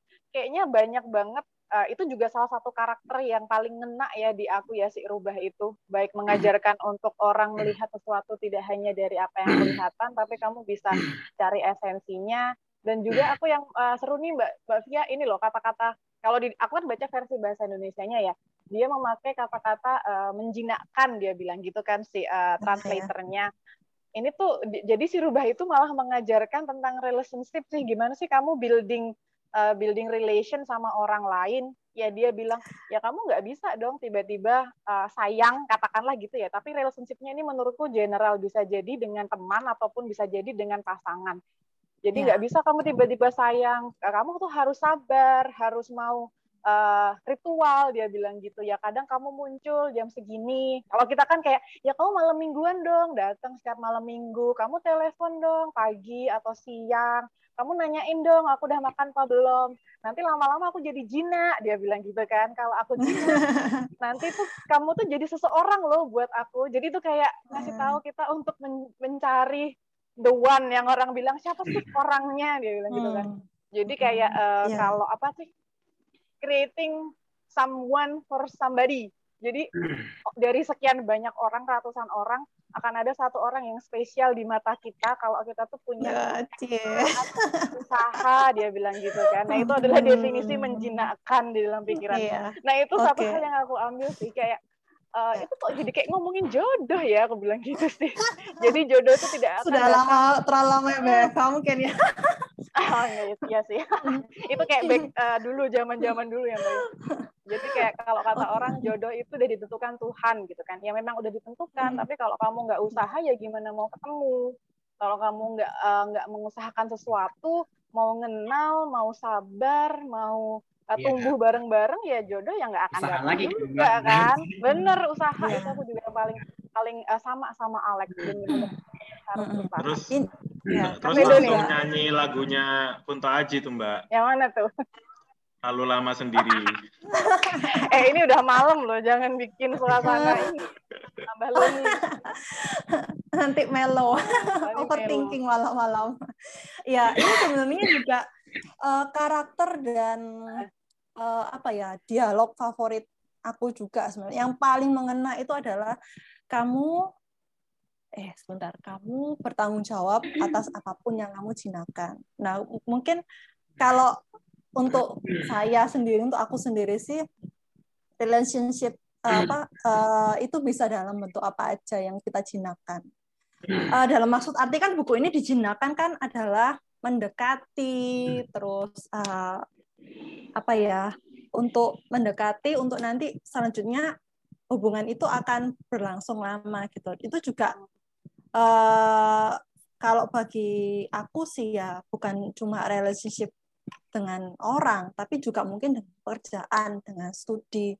Karena eh, kita kan untuk menjinakkan itu kan apa ya kita sadar kan kita mau eh, memutuskan untuk mendekati eh, seseorang atau sesuatu itu kan Nah, kayak gitu. Jadi ketika kita memutuskan untuk kita mungkin eh, bekerja di perusahaan X atau mungkin kita eh, memutuskan untuk eh, studi lanjut atau mungkin kita untuk memutuskan nih eh, oke hari ini aku mau bangun pagi itu sudah menjadi sebuah apa ya tanda kutip itu relationship gitu loh dengan diri kita sendiri relationship dengan keputusan yang kita buat sendiri. Dan itu kita harus pertanggungjawabkan dalam arti eh, kita harus menyelesaikan gitu. Jadi kita kita gimana ya kita memutuskan untuk memulai kita juga harus memutuskan untuk bisa mengakhirinya Oh my Cie. god.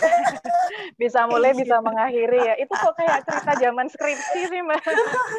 Skripsi kita Iya. bisa mulai tapi mengakhiri itu masih tanda tanya kadang-kadang terlalu lama itu. aduh susah banget itu iya Oke. Oh, kita karena mungkin ya Mm. ya itu keputusan ya Heeh, benar. Itu mungkin beberapa part ya. Jadi kayak banyak banyak hal di dalam uh, buku ini yang malah justru orang-orang dewasa tuh banyak memetik uh, memetik pelajaran untuk kedewasaan kita ya, baik mau dari si naratornya juga kan menurutku ya dia belajar dari si anak kecil ini bagaimana cara untuk dewasa kan. Nah, mungkin teman-teman ada yang mau Hmm. sharing nih, karakter-karakter mana sih yang menurut teman-teman kayak berperan terhadap pendewasaan si narator ini gitu kali Mbak ya, Iya. Mbak Tia ya? iya Heeh. Apa sih karakter mungkin kita bisa sekarang bisa bikin masuk ke gitu. Mm-mm. Kita bisa mungkin juga masuk ke bagian scene atau bagian plotnya ya gimana kapan sih kira-kira si Little Prince ini si pangeran kecil ini eh, apa ya jadi lebih dewasa bisa sharing-sharing Ya. nih di chat Tadi kita udah Silakan teman-teman. bahas rubah Iya, ya, teman-teman. rubah udah. Mungkin ada karakter yang lain gitu yang uh, yang berperan dalam Bentar, pendewasaan. boleh nggak? Eh, ini Iya. ada ada ada ada na Naya yang bilang Oh, iya. tapi eh, orang dewasa pernah eh, apa menjadi anak-anak berpikir seperti anak tapi lingkungan membuatnya seperti itu. Eh, maaf masih bab satu juga eh, di Syapit Kaang juga di situ kan eh, pas dia eh, menggambar eh, karena sekarang hari anak ya sekarang hari anak ada hubungan dengan pendidikan dan lain sebagainya. Dia menggambar terus gambarnya nggak dipahami dan katanya orang dewasa harus selalu dijelaskan. Eh, terus ya udah kamu belajar aja sejarah geografi matematika itu bakalan berguna dan memang katanya berguna. Em, eh, nggak tahu sih bakal bisa didebat atau tidak. Maksudnya bakal perdebatannya pasti panjang.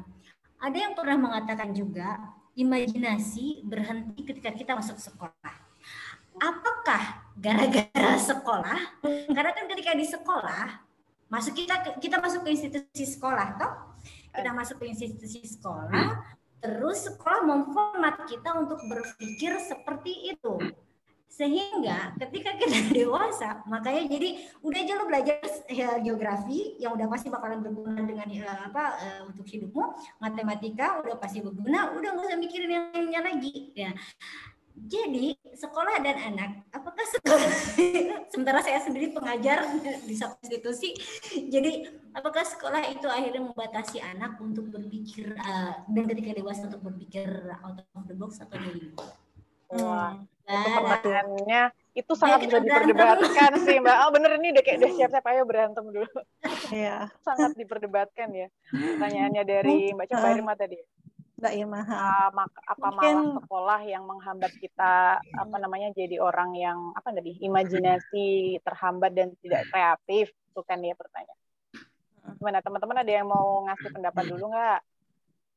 Mungkin yang lain. Mungkin karena dalam yang teman-teman kalau mau ikutan nimbrung nih. Silakan. Tapi teman. kalau saya kalau saya boleh sharing nih, em, mungkin dalam konteks ini adalah anak yang kreatif ya dalam tanda eh, dalam kata lain kan semua anak ini kan beda-beda ya. Jadi ada yang memang eh, dia metode belajarnya visual, audiovisual atau mungkin malah ada anak yang memang dia suka baca buku yang isinya tulisan semua atau mungkin dia memang interestnya di science kayak gitu. Jadi nggak tahu ya mungkin dari pengalaman saya ya eh, mungkin me- metodenya yang nggak tepat mungkin. Jadi ada memang beberapa anak yang beruntung eh, di sekolah yang memang mempunyai metode yang seperti yang yang dia ingini kayak gitu. Ada juga yang kurang beruntung kayak gitu. Jadi em, eh, metode yang diterapkan di sekolah itu eh, bertolak belakang dengan metode apa yang dia bisa digunakan dengan dirinya kayak gitu. Kayak gitu sih, Mbak. Jadi akhirnya mungkin itu eh, ada beberapa sekolah yang mungkin apa ya intinya nggak nggak mempunyai banyak metode gitu untuk berbagai anak gitu Pendekatannya ya, Mbak Fia ya. pendekatannya Pendekatannya iya. untuk masing-masing anak ya. Iya. Iya sih. Uh, aku mungkin kayak lebih ke Bu Irma juga ya. Sedikit banyak aku juga apa dalam tanda kutip menyalahkan pendidikan ya. Memang sih uh, ya mungkin karena aku juga ada di field itu. Mungkin ma- masalah-masalah yang sekarang ada di pendidikan tuh justru malah gimana sih anak itu bisa berpikir kritis. Nah, itu kan yang paling kita genjot sekarang ini ya. Bahkan dari level mahasiswa aja uh, bisa jadi tingkat kritisnya tuh berbeda. Atau tingkat kreativitasnya tuh berbeda karena dari dulu eh, sistem pendidikan kita kan juga textbook. Kita ujian ngapalin bahkan ada yang sistem SKS disebut semalam. Itu kan literally memorizing apa menghafal kan. Lalu ah, dia juga bahkan bisa hafal soalnya. Bukan jauh bukan cuma jawabannya doang tapi ngafal soalnya. Dan itu eh, berkelanjutan kan mungkin eh, sedikit banyak menurutku juga sangat berpengaruh justru malah sangat berpengaruh sih kalau menurut pendidikan itu Eh, Cuman kalau misalnya mau dibalikin lagi, ya memang pasti akan dibalikin ke pribadi masing-masing ya. Cuman eh, mungkin beberapa orang tidak memiliki eh, privilege untuk bisa mengembangkannya. Dan kayak si narator ini kan jadi kan mau nggak mau dia harus membunuh eh, imajinasinya sendiri kan karena hal itu. Karena dia apa nih ngambil mata kuliah apa sih nih? Astrono, eh kok astronomi apa sih? Ilmu Geografi ya? Bumi ya, ilmu bumi ya? Ilmu bumi ya, ilmu bumi. Iya, ilmu bumi, geografi. menyerah bisa menyerah. tahu letak Cina misalnya gitu. Nah, oh, jadi pilot jadi nutup mata, Kak. dia tahu terbangnya ke mana gitu kan dia bilang. Mungkin itu sih. Dan eh, dan dari cerita ini eh, sedikit banyak, malah banyak justru kalau menurutku eh, banyak sindiran-sindiran terhadap orang dewasa sekarang, pemikiran orang-orang dewasa sekarang itu di setiap karakter yang muncul ya. Di Yolanda nih saya bisa melihat dari sisi negatif atau positif. Negatifnya mungkin apa tuh sekolah justru malah membantu mengarahkan anak dalam berimajinasi atau bermimpi. Eh, negatifnya Iya, mungkin Mbak. benar Sebenarnya- sekolah malah menghambat anak. Tapi di posisi oh iya iya bisa dua bisa dua sisi ya. bisa dua sisi aviator si pilot itu dia memutuskan untuk jadi pilot ketika eh, dia nunjukin gambarnya itu eh, dia dia dijudge tidak apa ini gambar apa sih? Kayak gitu. Akhirnya kan dia eh, memendam eh, apa ya impiannya sebagai artis kayak gitu. Dan dia akhirnya berpindah pro- profesi. Itu sebenarnya kayak dua apa dua mata sisi pedang ya di mana uh, itu sebenarnya juga bisa jadi berkat tapi juga bisa jadi uh, kutukan kayak gitu. Jadi ya ya that's life kayak gitu loh. Kita kita nggak bisa menentukan gitu apa yang uh, apa ya takdir ya namanya. Tapi kalau kita bilang takdir ya sudah uh, diskusi berhenti sampai di sini. Tapi itulah ya, justru uh, apa sisi menariknya diskusi ya. Nggak ada yang salah nggak ada yang benar. Jadi oh. ya apa yang kita persepsi kita gitu sih. Oke okay, ini dan ini berarti ada satu jadi aku jadi ingat satu satu momen ketika tentang si apa siapa ini ya? Raja apa ya menurutku? Apa hakim ya? Oh raja deh ya. Dia ketemu raja, raja, raja. pertama di asteroid ya. pertama itu loh. Nah menurutku ketemu raja itu walaupun rajanya itu uh, agak sombong ya karena kan kayak hmm. dia bilang jubahnya itu menutupi seluruh planet kan. Mungkin kalau menurutku ya jubahnya itu adalah kesombongan dirinya sendiri jadi saking nutupin semuanya dia nggak bisa melihat hal lain tapi ada satu hal yang bisa aku ambil dan itu positifnya dari si Raja menurutku tuh dia malah ngajarin tentang apa sih leadership tuh loh kepemimpinan sejati ya oh. menurutku. Jadi ada dia bilang kalimat uh, mana sih ini? Jika aku memerintahkan seorang jenderal agar menjelma menjadi burung laut dan dia tidak menuruti perintahku, hmm. itu kan uh, kesalahannya kesalahanku karena dia memerintahkan hal yang nggak mungkin kan, memerintahkan hmm. uh, burung laut, eh kok burung laut, jenderal buat jadi burung hmm. laut dia bilang gitu dan setiap orang harus diminta apa yang dapat dia berikan. Dia bilang, nah itu tuh malah sangat mm, kena di pikiranku tentang pendidikan juga men, uh, ngambil ke Bu Irma juga ya. Ada satu uh, gambar meme yang menurutku tuh terkenal. Kalau kalian juga pernah lihat ya, ada ada monyet, kuda, ikan jejer-jejer, terus ada guru di depan, lalu dia bilang, oke okay, tesnya sekarang adalah manjat pohon. Ya iya monyet doang yang bisa manjat pohon. Lah ikan apa kabar? Gajah apa kabar? Mungkin itu kan kayak di pendidikan kita kan semua iya, hal dites dengan cara tertulis disamaratakan. Disamaratakan ya, bener. Tapi nggak ngelihat kemampuan kemampuan masing-masing itu. Jadi kan kalau dari sisi raja ya yang salah tuh yang ngasih perintah dia bilang gitu. Nah kalau mau ya, ya. pendidikan ya yang salah ya itu tadi si raja yang ngasih perintah itu tadi. Kalau menurutku Ya, ya ini menariknya sastra ya. Ini menariknya sastra sebenarnya karena kita bisa lihat itu di semua berbagai sisi kayak gitu. Hmm. dan nggak ada statement yang benar atau salah. As long as kita bisa support statement kita, kenapa enggak kayak gitu. Nah inilah yang menariknya diskusi sastra ya kayak gitu. Oke. Okay. bisa bisa setuju bisa enggak ya enggak masalah juga yeah, ya. Ketidaksetujuan yeah. juga enggak harus yang kita ayo kita perang karena kita saling enggak setuju ya enggak juga. Iya. yeah, eh, tapi kalau ini sekarang debat boleh banget loh. Boleh, ada boleh. lagi nggak? uh, ada lagi nggak karakter lain yang menarik nih? Banyak banget sih sebenarnya karakternya Mbak Fia ya. Oh ya, oh, oh ini mungkin nih, ini ya. Karakter yang karakter kedua cewek. Tuh karakter cewek. Oh, karakter cewek. Si, nah, ini wah ini penuh dengan perdebatan si Ma ya, mawar, ini. bunga mawar. Iya, ini aku lihat banyak ceweknya Amin. nih di sini nih. Wah, mentang-mentang kita cewek, cewek, Mbak. sudah berbicara itu sulit. eh Mbak ngomong-ngomong nah tentang uh, si mawar nih Mbak, katanya iya. aku aku aku baca-baca beberapa ya itu juga uh, ber ber apa namanya apa sih namanya ada ada hubungannya sama si penulis itu sendiri. Jadi ada yang bilang oh, si Mawar itu iya. adalah istrinya. Istrinya Kemungkinan namanya besar. siapa sih lupa aku. Konselo dia bilang. Istrinya si Konselo. Jadi kayak di, uh, si Konselo itu katanya nih yang aku baca dia tuh orangnya mudi, terus nggak jelas, terus apa sih namanya? Ya pokoknya mudi dan nggak jelas lah. Dan itu dia hmm. dia representasikan sebagai si Mawar itu tadi kan. Karena di dalam bukunya dia bilang Mawar itu uh, agak genit, terus suka batuk-batuk biar orang lain ngerasa salah, agak-agak manipulatif, terus kontradiktif, dia bilang gitu kan. Agak caper gimana gitu uh, ya. caper juga. Dan tapi justru uh, si Mawar ini dan apa Mbak? Sorry sorry. Ngomong ngomong apa lanjut lanjut. Dan sebetulnya kalau menurut aku ya si Mawar ini justru orang yang paling berperan besar dalam pembentukan uh, pendewasaan uh, si pangeran kecil. Dalam mungkin aku nggak ngomong dia dewasa seperti orang dewasa ya. Mungkin dia lebih uh, menerima gimana sih kita tuh berrelasi dengan orang lain gitu. Karena uh, makhluk hidup ya makhluk hidup yang di planetnya yang bisa berbicara kan cuma uh, pangeran kecil sama Rose mawarnya kan. Rose. Nah di situ hmm.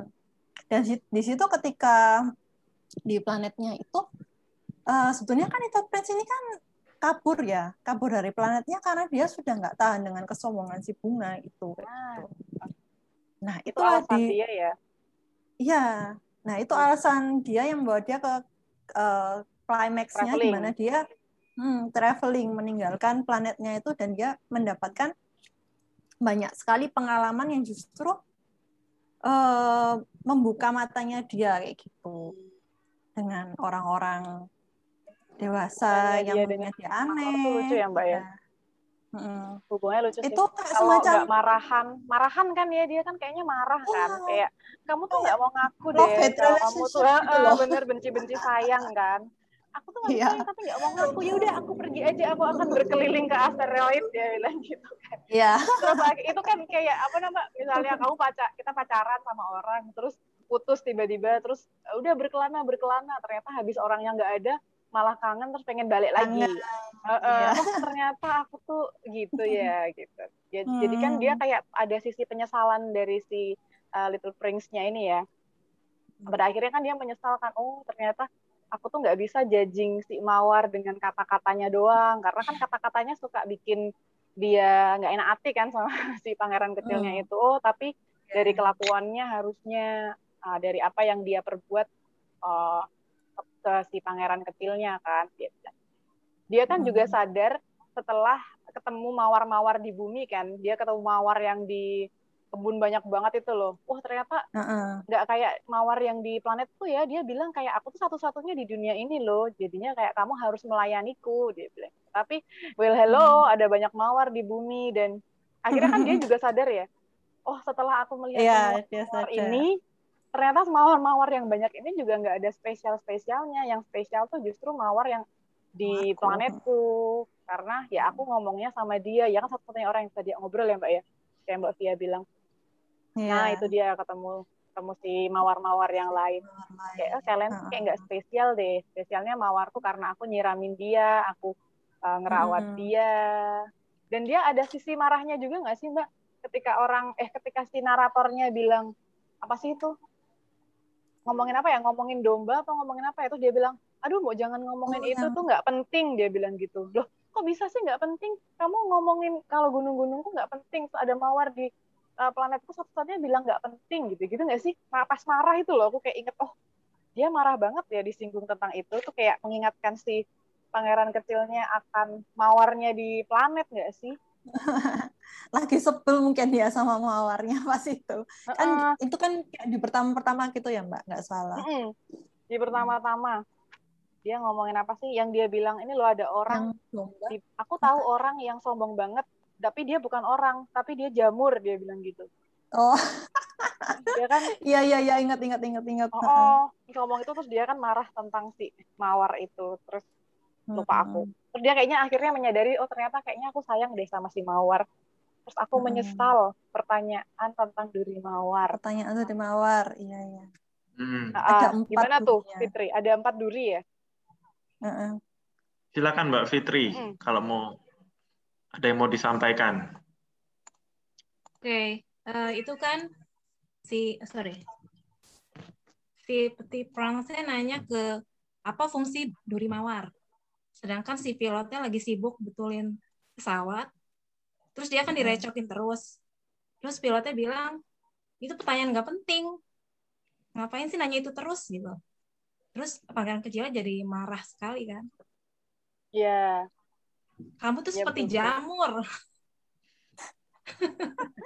soalnya dur, soalnya durinya useless ya mbak iya katanya durinya useless ya benar iya. cuma tapi si mawar kan bangga mm -mm, cuma ancaman kecil ya nggak seberapa dia bilang gitu iya. oke okay. mbak bener kayaknya nggak okay. nggak cukup ya kita tuh cuma sampai waktu ini harusnya kayak dua hari mungkin mas bahasnya ya betul sekali ini kayaknya loh dua hari ini baru cukup nih membahas Ini cuma beberapa halaman. tadi ini ya menariknya uh, ketika siapa tadi ya Mas eh, Alex tadi yang ngomongin mengingatkan ini kepada orang Prancis dia bilang gitu kan kalau orang Prancis kalau udah nggak suka ya udah gitu kan dia bilangnya ya. Nah sebenarnya kan aku bacanya versi bahasa Indonesia ya bukan versi bahasa Prancis. Dan uh, buku ini diterbitkan untuk anak-anak katanya buku di Prancis ya Mbak ya emang hmm. agak beda nggak oh, ya. sih sebenarnya teenagers beda kali ya dengar-dengar juga ada versi uh, bayi atau gimana Oh iya, apa namanya? Oh, uh, iya. Petit Prince ini kan kalau kalau mungkin di di Prancis itu kan masuknya jeunesse romong ya. Romong romong jeunesse maksudnya. Hmm. Romong jeunesse. Jadi uh, apa namanya? Iya. Novel tapi untuk untuk untuk remaja. Teen, ha, uh, terus tapi kok malah keluar uh, Petit Prince pour enfants gitu loh. Jadi Petit Prince untuk anak-anak kecil berarti kan ini uh, ya bisa dibilang kalau untuk anak kecil masih terlalu susah gitu loh. Iya ada. Ya punya. Gimana? Hmm. Gimana? Ada Petit Prince apa uh, buat anak-anak? Uh, yeah. Ada juga anakku ada. Hmm. Iya. Iya, sebenarnya banyak banget sih karya-karya yang memakai karakter ya mungkin ya. Karena kalau saya lihat juga ada yang kayak cuma buku board book kayak gitu terus kayak uh, satu ang itu misalnya uh, shipnya uh, dombanya terus kalau tiga tuh babnya ada tiga. Sebenarnya itu ada beberapa jenis uh, ini saya sharing dikit nggak apa-apa ya. Jadi ada beberapa jenis selain karya adaptasi itu ada karya apropriasi jadi di mana satu karya itu uh, dibuat dengan menggunakan karakter. Seperti contohnya kalau kita tahu Romeo and Juliet itu kita banyak nemuin uh, ada Romeo and Juliet, tapi itu endingnya uh, happy happy ending kan nggak kayak aslinya gitu. Uh, yeah. Bukan fanfiction lain lagi. Fanfiction itu uh, kayak seperti sequel. Jadi itu nggak termasuk apropriasi kayak gitu. Ininya Ini... seperti gitu sih teman-teman. Jadi ada ini, ada beberapa untuk kenapa? Mbak Mbak Via dan Mbak Mbak Ami, ini kan kebetulan ada direktris saya nih, Madam Sarah Kamara. Apakah ah. kita mau menanyakan Bisa. langsung? Ya ya boleh. Boleh uh, boleh boleh. Silakan Mas namanya itu. buku buku Petit Prince ini apakah untuk anak-anak atau buku orang dewasa gitu?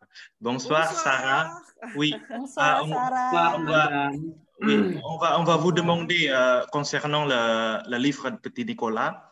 Euh, en France, est-ce que c'est considéré comme le, le, livre pour enfants ou bien le livre pour, euh, pour les adultes?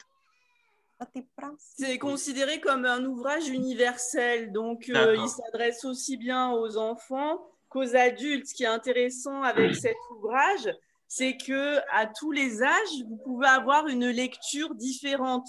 Mmh. Euh, les enfants comprendront certaines choses, les adultes en comprendront d'autres. Donc c'est tout l'intérêt en fait euh, de, vraiment de, de, cet ouvrage. Mmh. C'est qu'on a appris des, des, compréhensions, des lectures différentes. Iya, voilà. Merci beaucoup Sarah. Jadi ya. di, di Prancis itu lebih ke lebih ke universal ya. Hmm. Jadi mungkin uh, peti praksi ini sebenarnya bisa dibaca dengan berbagai umur ya, Mas. Cuma mungkin eh, balik lagi ke uh, representasinya ya, interpretasi maksud saya. Interpretasinya tuh beda-beda. Mungkin uh, bisa juga dikasih ke anak kecil nih yang suka baca mulai dari umur 8, tapi mungkin cara pandangnya dia itu ya udah seperti cerita adventure aja. Dia mungkin belum mungkin ya belum sampai ke tahap refleksi diri kayak filosofis dan lain-lain gitu. Hmm. Tapi ya bisa-bisa yeah. aja sebenarnya. Ya, kayak yeah, kayak yang saja. kayak ceritanya Naya nih menurutku sih yang dilihat bukan anak-anak hmm. atau orang dewasa. Kalau hmm. anak-anak yang bisa mengerti buku Le Petit Prince, kenapa tidak? Karena Naya baca Le Petit hmm. Prince umur 6 tahun loh, luar biasa. 6 tahun. bisa. Bravo. Euh, yeah. Juste pour ajouter, en fait, je, je crois que la question des deux, c'était euh, il y a une autre édition de Petit Prince, mais pour enfants, une sorte d'album. Oui. C'est ça euh, c'était ça la question. Est-ce que c'est parce que parce qu'il y a une différence entre entre le Petit Prince euh, d'Antoine Exupéry première édition, on va dire, euh, ce qui est mm-hmm. universel, ou Ou est-ce que c'était parce que c'est trop difficile ou un truc comme ça qu'on fait une publication de euh, Petit Prince pour enfants? Mhm. C'était ça ta question, Euh, euh, non, je, je veux dire que le, le Petit Prince de, de première édition, le Petit, le Petit Prince en fait, est-ce que c'est considéré comme le- l'ouvrage de pour enfants ou Ah, d'enfants, d'accord. Oui, mais euh, parce que là, je, enfin, j'ai j'ai eu un, comme cadeau pour, euh, pour ma fille, c'était euh, euh, euh, un album, enfin Mm. une sorte d'album, mais Petit Prince aussi, mais hum, j'ai l'impression que, euh, que, que, que la langue était un peu plus simplifiée. Oui, Enfin, oui, oui, c'est ça. Est-ce que parce que c'est pour maintenant, est-ce que c'est plus difficile de lire Petit Prince pour les enfants maintenant ou quoi? Oui. Je pense que, que presque tout le monde tombe euh, dans le piège euh, du livre. C'est-à-dire que, que euh, dès qu'on le prend de l'étagère, on croit, on, on, a, on a eu toujours tendance de, de croire que c'est un livre pour enfants. Voilà. Jadi saya saya mengatakan bahwa sepertinya hampir semua orang jatuh dalam dalam jebakan dalam tanda kutip yang memang di di set oleh si pengarangnya bahwa ketika bahkan sebelum kita baca aja lihat cover aja kita langsung berpendapat bahwa oh ini untuk anak-anak jadi ya udah kasih aja ke anak gua atau ke siapa yang penting anak-anak seperti itu. Merci beaucoup, Alexander. Benar-benar. Jadi Mungkin eh, Mungkin kita bisa tarik kesimpulannya nih. Ya. Jadi eh, buku ini buku untuk anak-anak atau bukan sih? Jadi Ya. mungkin jawabannya beragam ya. Bukan, Ya. oke. bukan, semua bukan. Jadi tergantung uh, sudut pandang juga ya, Mbak ya, tergantung Tergantung perse- sudut perspektif pandang. kita ya. Ya atau tidak? Iya. Bisa iya, Mungkin- bisa tidak mungkin- ya. Ya, mungkin ada berbagai versi ya untuk anak-anak. Mungkin karena memang eh, Petit Prince ini dalam bahasa Prancisnya ditulis pakai passé simple ya kalau saya nggak salah. Jadi mungkin belum semua anak itu paham tentang eh, grammar yang lumayan adiluhung kalau kita bisa bilang. Jadi mungkin disederhanakan mungkin Mbak supaya eh, bisa mencakup pasar lebih luas mungkin kayak gitu ya. Ini tafsiran saya Kalau sih. buku Ya. versi Prancisnya ya. Bahkan buku Iya, versi aha. eh, bahasa Indonesianya pun menurutku ya bisa sih untuk anak-anak karena bahasa Indonesia juga mudah ya, nggak terlalu Iya. yang Iya, banget. bahasa Indonesia, bahasa Inggris lumayan. Iya, nggak nggak Cuman terlalu. balik lagi mereka gitu. pasti nggak eh, bukan pasti sih bisa jadi tidak sedalam kita nganalisisnya kan kayak oh dia pergi ke sini Iya. dia pergi ke sini orang ini tapi menurutku juga bisa sih untuk anak-anak tapi didampingi oleh orang dewasa. Jadi dia bisa didiskusikan bareng-bareng apa yang bisa kita petik dari setiap karakter untuk si anak-anak tersebut.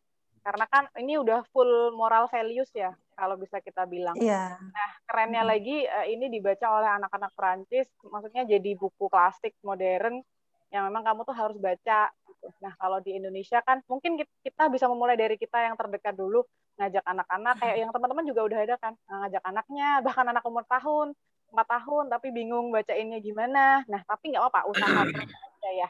Demi kemaslahatan bangsa kita, kita harus rajin membaca kan ya mulai dari yang kecil-kecil doang dan ini kan gambarnya menarik warna-warni mungkin kita bisa mulai dari situ Oke, se- Oke, seru nih. Tadi saya lihat ada Pak Pak Ali buka kamera nih. Pak Ali mungkin bisa eh, Halo Pak Ali. memberikan pandangannya Pak Ali tentang Petit Prince nih Pak Ali. Menurut Pak Selamat Ali malam, apakah ini Pak. menurut Pak Ali apakah ini buku anak-anak atau buku orang dewasa Pak?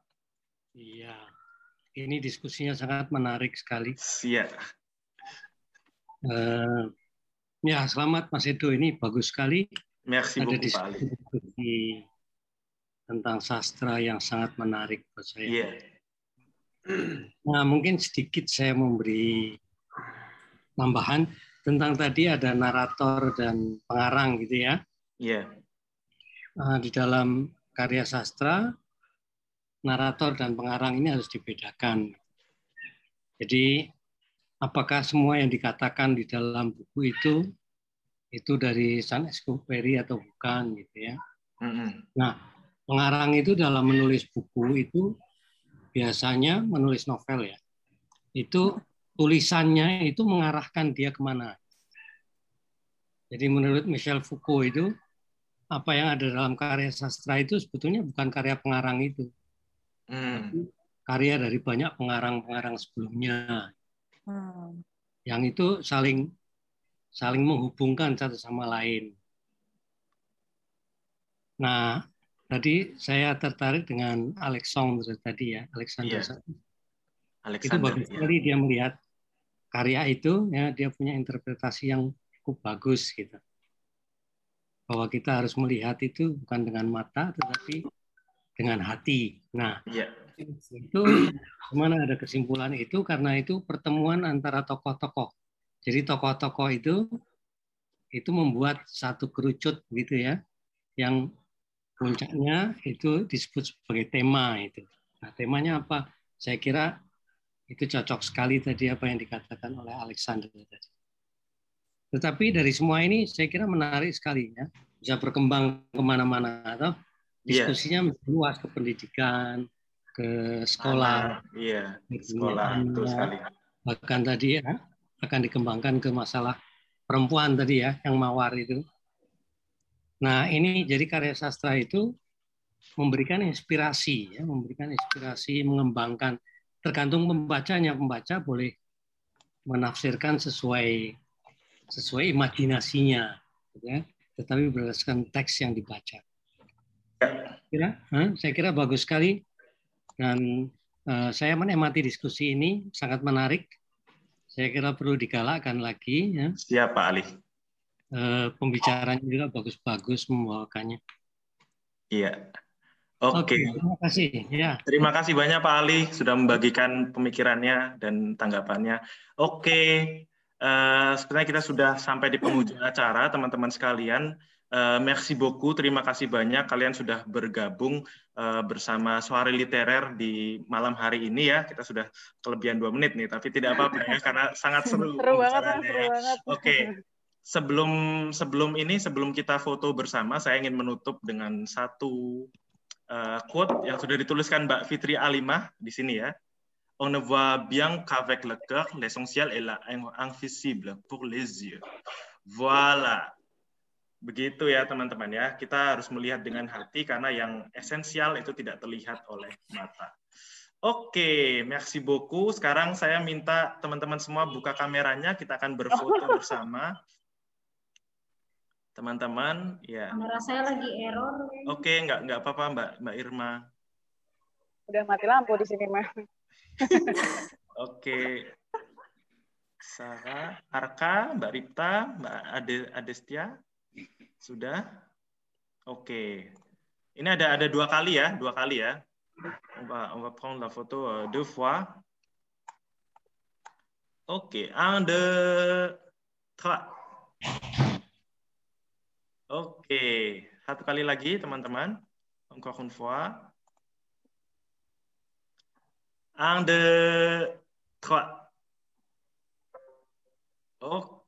Merci beaucoup. Merci beaucoup. Merci beaucoup.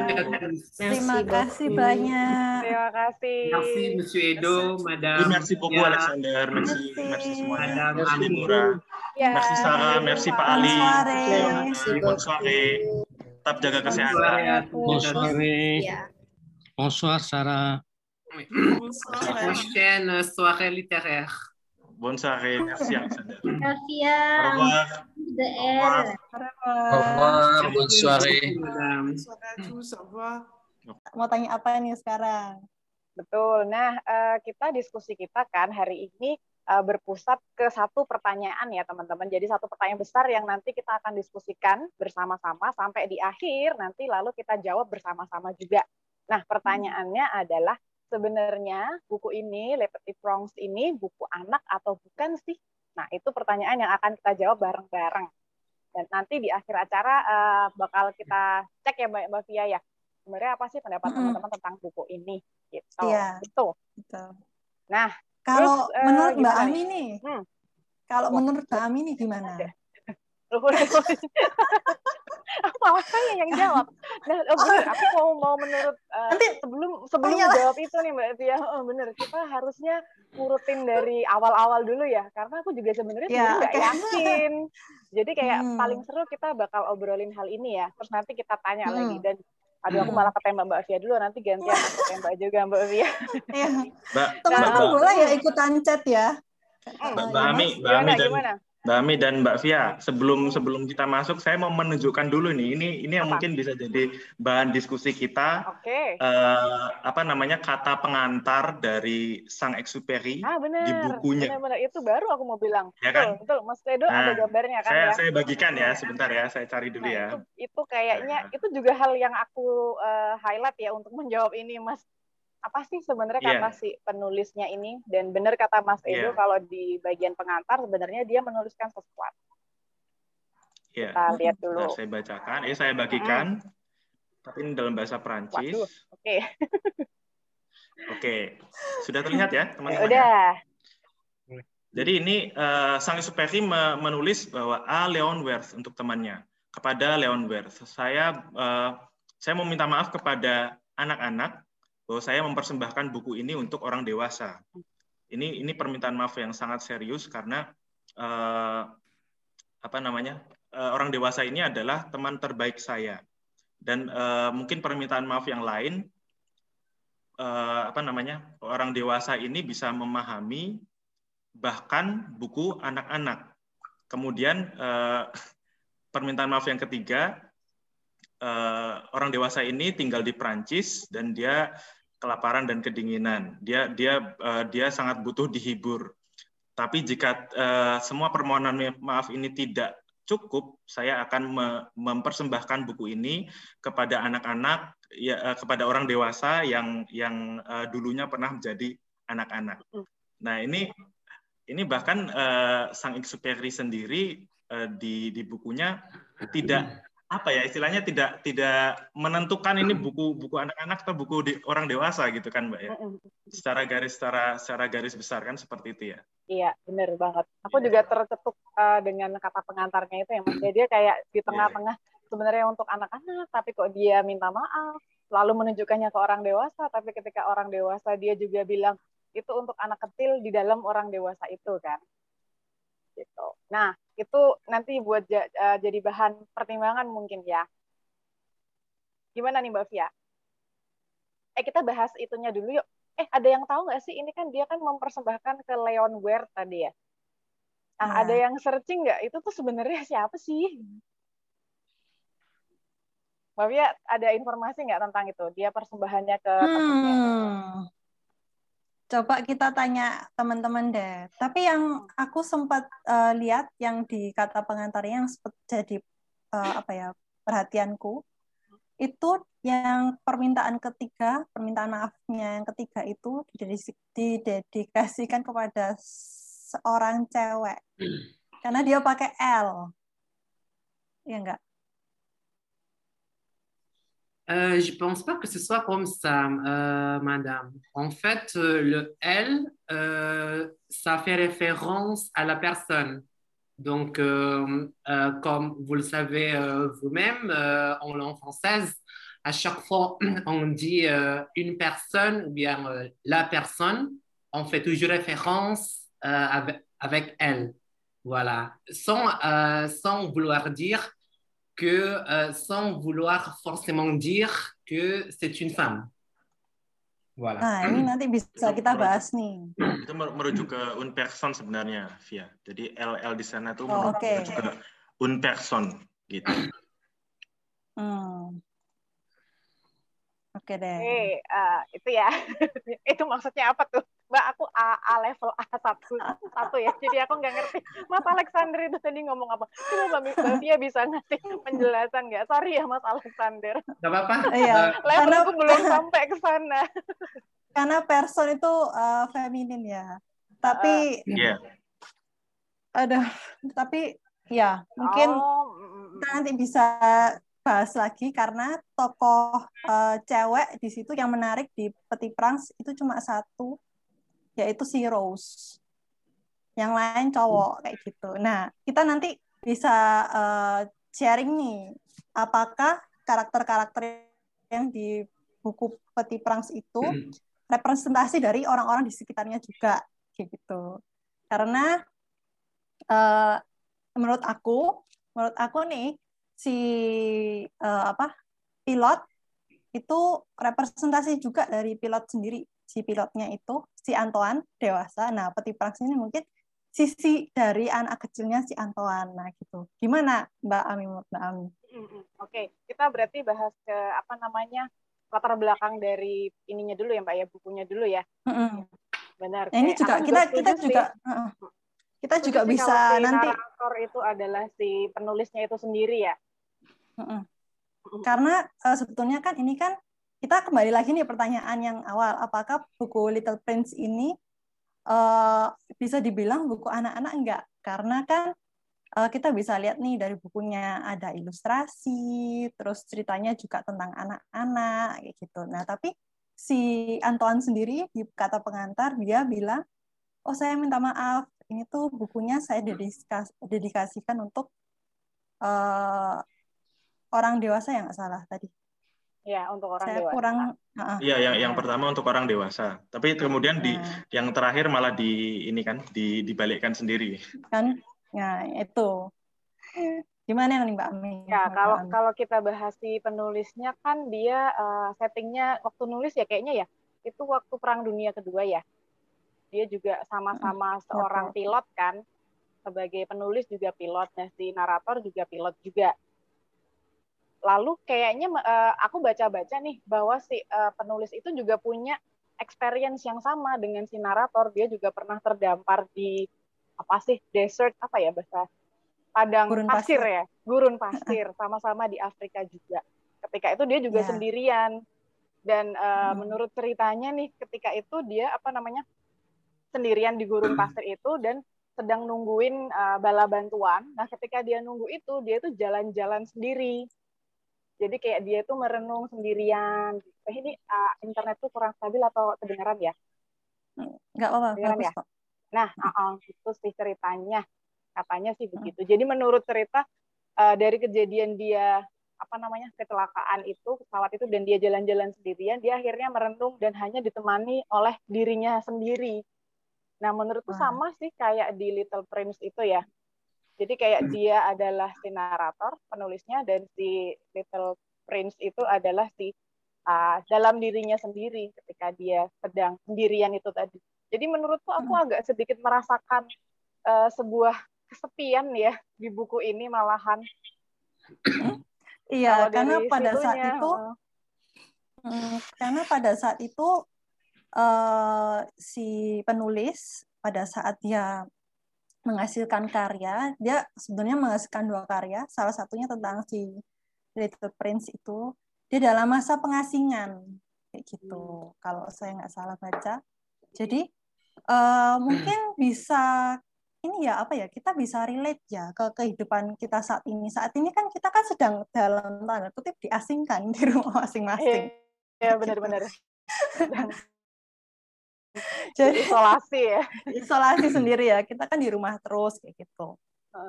Nah, eh, mungkin pada saat kita eh, dalam tanda kutip lebih banyak waktu untuk doing nothing, itu kita punya waktu untuk berefleksi lebih kayak gitu. Kalau menurut saya ya, nggak tahu kalau mungkin teman-teman punya eh, refleksi lain, pemikiran lain boleh gabung di chat karena chatnya masih kosong kayaknya. Kalau teman-teman kita kayaknya. diskusi aja. Eh, langsung pada ini aja, kita- kayaknya Ya, pendapatmu silakan. gini-gini Ya. langsung tulis aja nggak apa-apa. Heeh. Gitu. Kita pas Aku WFH juga gimana nih kayak gitu Tidak biasanya. ada tidak ada yang salah, tidak ada yang benar ya teman-teman ya. Iya. Betul betul betul bukan berarti kita ngomong juga ini benar kan Oke, namanya silakan. Itu Ini Dava. Mbak iya, Ada Mbak ini Ami dan masuk Mbak tuh. Fia, ini ada Dava Izul Haq. Silakan. Ah, ah. Dava. Silahkan. Gimana nih, Deva? Je pense que pour euh, le livre euh, qui parle sur sur euh, la euh, la ligne bah, aliéné- itu pengasingan comme ça je pense que c'est li- ce livre le petit prince peuvent parler beaucoup sur ça spécialement au- au- au- à la partie quand le, le pilote et le, le prince euh, parlant sur euh, désert, euh, désert, comme ça, spécialement euh, si, nous, euh, si nous avons que le, le petit prince, il vient de, euh, de, de la de planète étrangère comme ça. Oui, c'est ça. Mais peut-être si je veux ajouter, je pense que le livre le plus, le plus agréable, euh, le, plus, le meilleur sur l'aspect de euh, euh, l'exil, l'alienisation comme, comme fois-ci, comme le pandémie, je pense que c'est c'est euh, c'est c'est la peste par euh, Albert Camus. Je pense que c'est très très pan- pandémie littéralement comme ça. Ya, kalau dalam konteks pandemi ya. Jadi kalau saya nangkep Mas Dava ini mungkin pada waktu saat eh, itu, pada waktu perang ya, itu lebih gimana ya? Mungkin lebih bisa, dia mungkin lebih bisa ini ya, eh, berefleksi lebih ya daripada kita yang sedang eh, di masa pandemi ini. Mungkin kalau pandemi kita bisa eh, korelasikan dengan lapes atau sampar ya tadi oleh Albert kamu. Tapi yang mau saya sharingkan sih em, intinya di saat kita punya lebih banyak waktu untuk sendirian itu kita banyak ide yang keluar ininya kayak gitu. Ide-ide yang keluar gitu. Salah satunya kalau eh, Bapak Antoan itu adalah menulis cerita. Oke. Kalau dia ya, Oke, Mbak ya. makasih Mas. Ya. Kalau Itu, beberapa eh, orang juga bagus sih. mungkin bisa aja malah stres karena sendirian. Iya, Sebenarnya kan kalau iya. sendirian kan ya kamu nggak akan punya teman selain dirimu sendiri kan. Ya untungnya si Waduh, Antoang ini eh, bertemannya ya dia memulai berteman dengan dirinya sendiri itu sih menurutku Oke. ya. Mau siapa lagi yang Hmm. diajak ngomong kecuali dirinya sendiri kan? Jadi Iya. kayaknya kita eh, ngajak ngomong. Kita kan juga Hmm. biasanya gitu ya kalau aku sih ya. Kadang-kadang ngomong sendiri eh, terus kayak kita ber ber- berdialog dengan diri sendiri kadang punya Hmm. dua pikiran gitu kan ya. Nah, jatuhnya dari si pengarang ini ya adalah karya besar ini. Gitu Iya. sih. Nah, ya. Ya Nah, berkaitan dengan juga inner child kata child, ya, Mbak betul. Deborah. Hmm. Benar benar benar aku juga setuju. Berkaitan dengan Jadi dia ada kerinduan ya dengan eh, sosok anak kecil di dalamnya itu. Nah, ini juga bisa nih Kak eh, Mbak Ami kita ini ingat-ingat lagi nih eh, kapan sih eh, si Antoan itu merasa eh, gimana ya kayak kikuk kayak gitu dengan tanggapan orang-orang dewasa pas dia nunjukin gambarnya tuh yang kayak Ah, topi, gambarnya. tapi bukan topi. gambarnya Mas Edo? Mas Edo punya gambarnya tuh. Mbak. yang bisa jawab ya bisa lihat yang bisa jawab nih ya gambar apa yang kayak topi Punya punya itu sebentar ya. Mas Edo punya kan? Nah, kita lihat teman-teman bisa. Bisa jawab nih di chat gambar apa sih itu kira-kira yang kayak topi tapi bukan topi ya oke Gambar yang pertama dulu kali ya. Dia kan kayaknya gambarnya dua kali ya. Gambar pertama kali yang dia tunjukin ke orang dewasa dan dia merasa kecewa.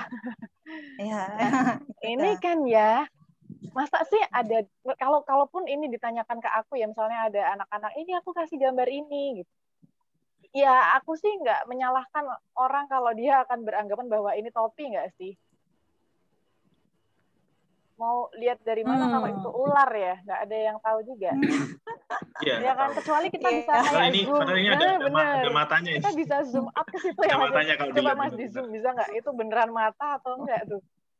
Mungkin ada interpretasi lain mungkin. Nah. Ini. itu kan ya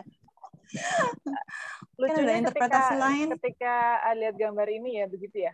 Teman-teman ya nggak sih? Ah, setuju nggak sih? Atau kayak siapa tahu punya imajinasi atau interpretasi lain ya selain topi? Kalau Iya. aku sih topi ya. Mbak Via apa nih? Pertama lihat ini apa? Topi juga atau beda lagi? Aku kayak topi apa ya? cowboy gitu, sekarang atau aja topi ya. kulit. Em, ya bisa sih. Bisa juga. Apa ya? Cuma Oh, bercak ada yang bilang bercak orang di dalam selimut loh Mbak Lita Oke. eh, Mbak Lita bilang orang di dalam selimut itu imajinasinya cukup juga ya Hmm, yang lain ada lagi bisa apa aja itu? sih Mm-mm. orang dalam selimut nah, ini ular ular makan gajah ya ini mah Ular aslinya makan sih ya gajah. Oke. Nah, kupu-kupu setelah kejadian ini, itu oh, Deborah. waduh, Oke. oh ya bisa juga sih. Iya, iya, iya, iya. Nah, setelah kejadian eh, si pangeran kecil menunjukkan gambarnya, terus kan uh, tanggapannya orang-orang dewasa lainnya oh ini bukan topi nah akhirnya dia kayak kehilangan apa ya sisi kepercayaan dirinya mungkin ya gitu. kayak dia menyerah kali ya untuk udah saking capeknya kan kok orang nggak ya. ada yang ngerti maksudku sih maksudku tuh bukan gambar topi loh tapi kok semua orang nganggapnya ini tuh topi padahal ini gambaran hmm. keren ular makan uh, gajah ya. Terus kan dia lalu bikin gambar kedua kan. Ya udah deh tak bikin ulang. Lalu diliatin nggak sih hmm. tuh gajah di dalam perutnya itu? Bukan cuma dari luarnya doang. Biar orang dewasa tuh ngerti. Nih tak uh -uh. betilin lagi. Dia kan bilang gitu ya. Iya. Nah mungkin eh, malah tapi dari tetap sini aja. malah tetap aja. Dari gambar kedua tuh malah ngerasa ini nggak sih mbak? Kadang-kadang kayak anak kecil itu juga berusaha keras untuk menjelaskan sesuatu ke orang dewasa loh. Hmm, bukan cuma hmm. orang dewasa yang kayak ngerasa ih anak kecil kok nggak ngerti-ngerti terus sih? Nah si anak kecil tuh juga sebenarnya mungkin ngerasa kayak oh kita nggak ngerti-ngerti sih diajak ngomong gitu kan ya. Terus saling iya. dua sisi itu sih aku dapatnya dari ini. Terus mm -hmm. malah lebih absurd boleh ikutan bicara? Boleh. Boleh. Silakan. Boleh silakan ya gimana nih mbak jangan-jangan saya sudah lupa saya. Eh halo mbak Irma. Maaf ini apa internetnya. Sama. Uh, kayaknya Halo, saya senior sendiri, tapi tetap merasa tidak pernah jadi senior. Iya, dengan fans ini apa pangeran kecil, saya bicara bahasa Indonesia aja. Ah, Boleh silakan. saya yang senang senang hati ya. uh, jadi lagi gini.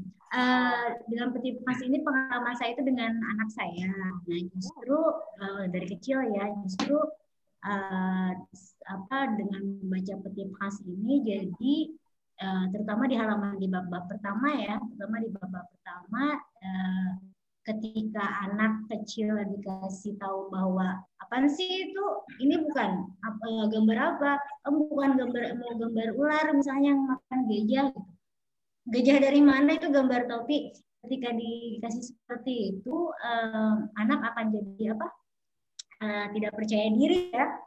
Maksudnya A eh, tapi ternyata B gitu yang dianggap. Nah jadi eh, saya berikan ke anak saya mau dia coret-coret dinding kayak apa pun dinding bisa kita lah beli cat kalau enggak jadi hiasan rumah atau cat-catnya gitu.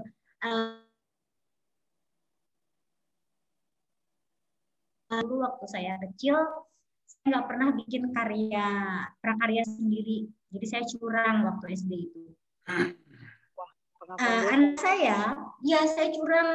Jadi dibikinin kakak bikin apa bikin sepupu. Terus uh, anak saya uh, ketika saya mau bantu dia bilang jangan ah nanti jelek kalau sama emak katanya begitu. Jadi dia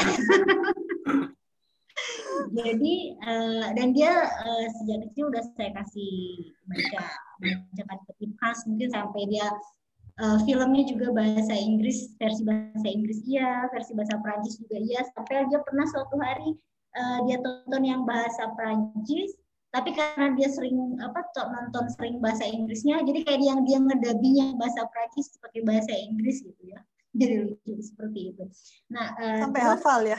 Ah iya sampai hafal terus um, yang bagus mungkin untuk anak-anak mungkin uh, lucu ceritanya tanpa dia harus memikirkan apa artinya. Cuman untuk uh, yang bagian menghitung matematik apa bintang. Bintang. Hmm. Buat apa beli ini uh, buat apa bintang supaya saya beli terus buat apa supaya dikumpulkan. Terus kalau udah dikumpulkan buat apa? Jadi kita kalau mikir uh, kayak nggak tahu ya siapa di sini yang main saham atau mengumpulkan uh, investasi apa gitu kadang kita juga kalau misalnya buat apa ngumpulin uh, apa ya tanah atau apalah nanti buat dijual lagi buat dijual lagi buat apa? Uh. buat beli tanah lagi. Kenapa buat beli tanah lagi? Dan seterusnya.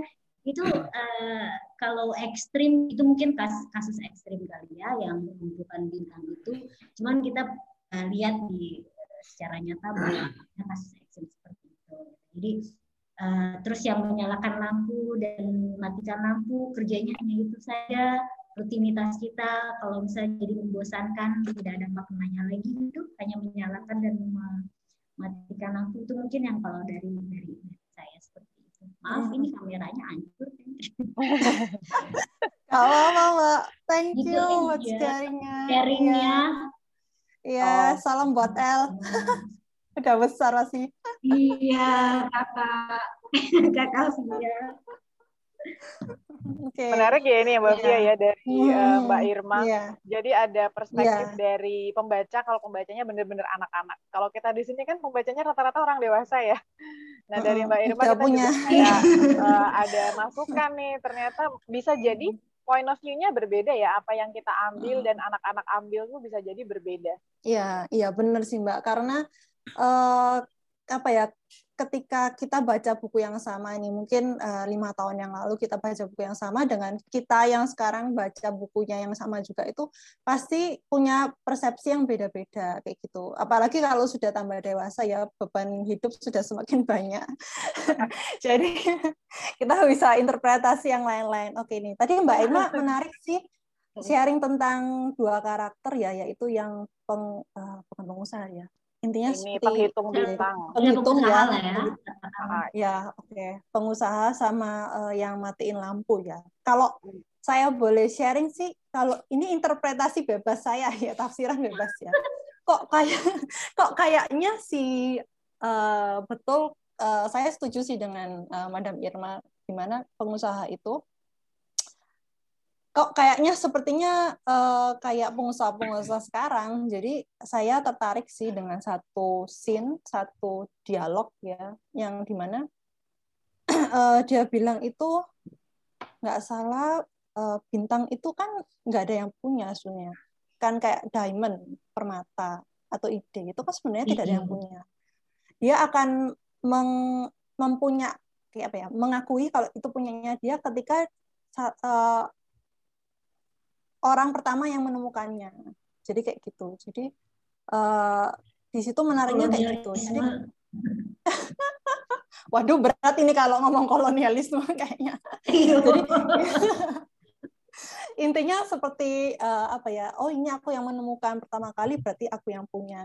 Dan itu kembali lagi pertanyaannya. Terus ngapain kamu ngumpulin bintang? Oh ya untuk eh, beli bintang lagi, beli bintang lagi kayak gitu. Nah ini juga sebenarnya eh, apa ya literatur tuh kadang nggak kemakan zaman kayak gitu loh. Karena eh, sejarah itu kan terus terulang ya kayak pattern kayak gitu ya. Jadi apa yang terjadi di tahun 1940-an karena buku ini ditulis pada tahun saat itu itu juga masih terus terjadi gitu loh di eh, era sekarang. Dengan cara dengan media yang lain juga gitu.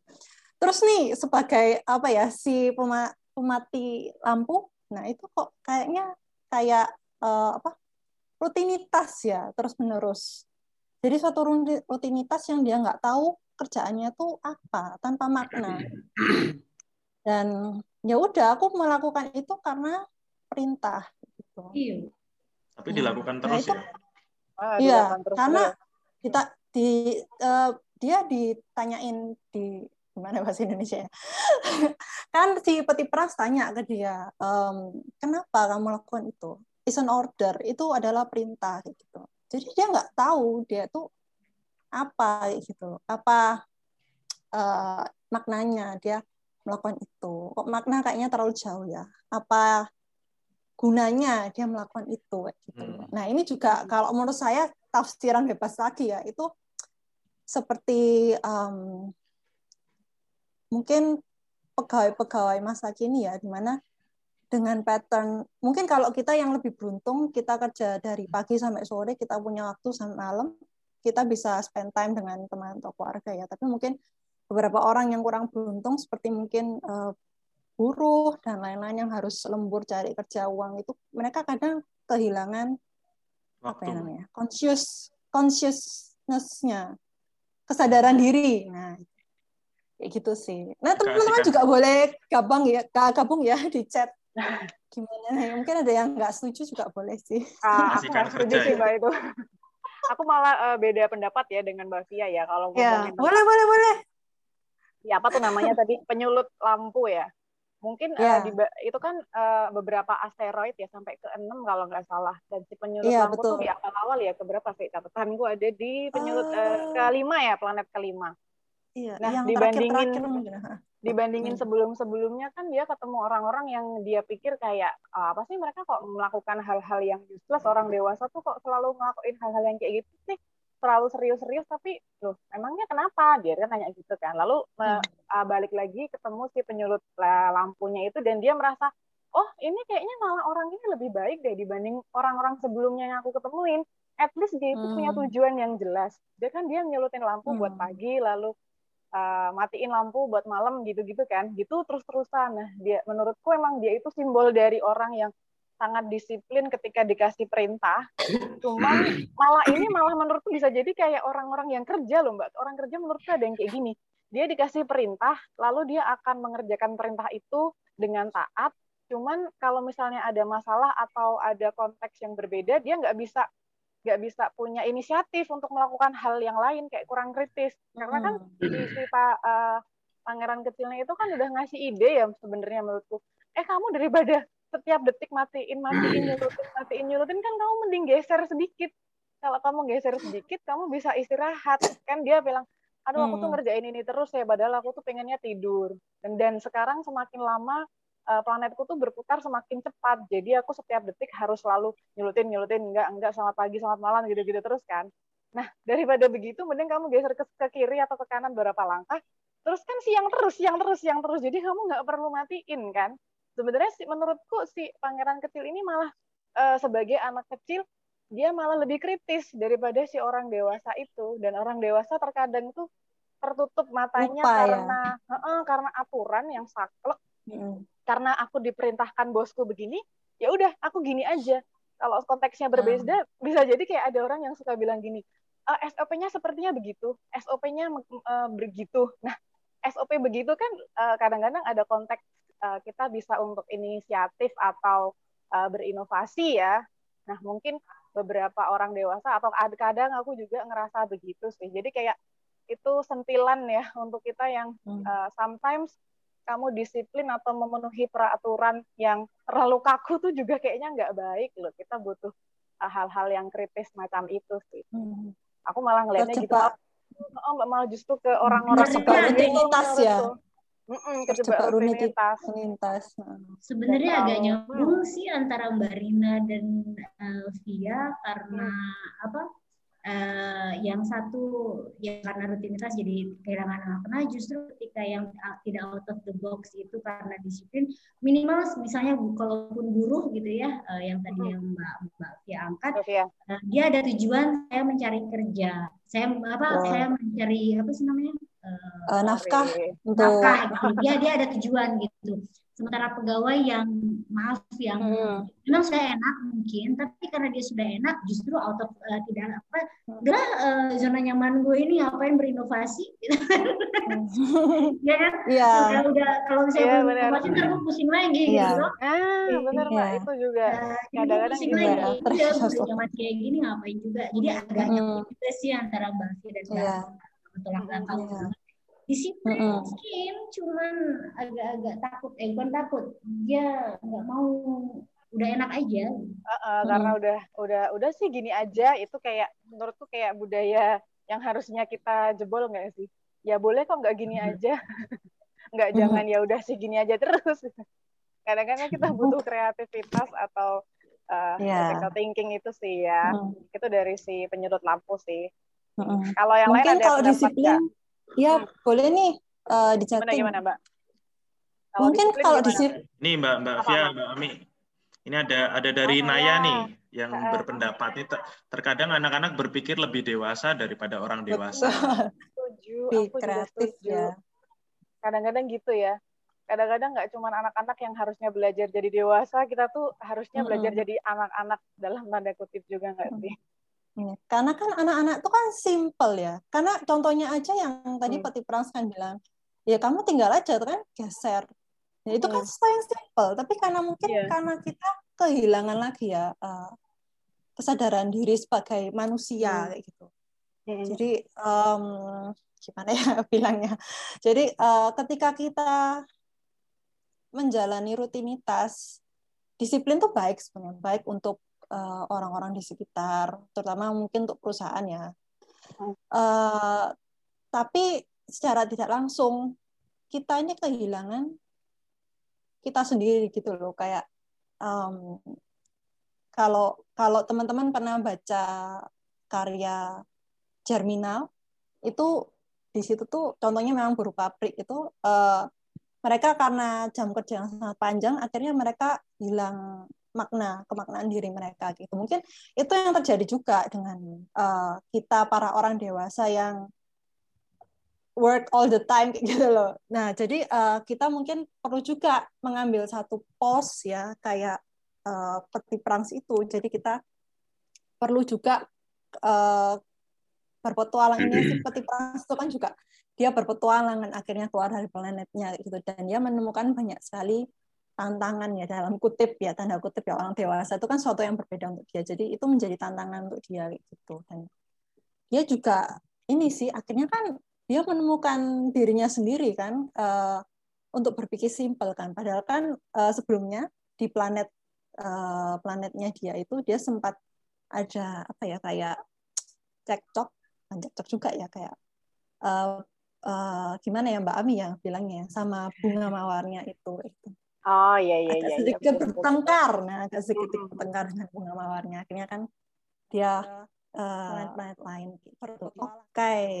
Itu Mbak uh, nambahin tadi Mbak Via bilang uh, kalau kita kadang-kadang uh, perlu berpikir simpel ya. Ini kan teman-teman juga bilang gitu ya. Terkadang anak-anak kayak apa tadi orang dewasa selalu kompleks pikirannya uh, kadang-kadang emang kita perlu dan kadang-kadang kita memperumit masalah ya bahkan anak zaman yeah. sekarang tuh bahkan bikin tagline kalau bisa rumit kenapa yang mudah? Itu kan ya gimana ya?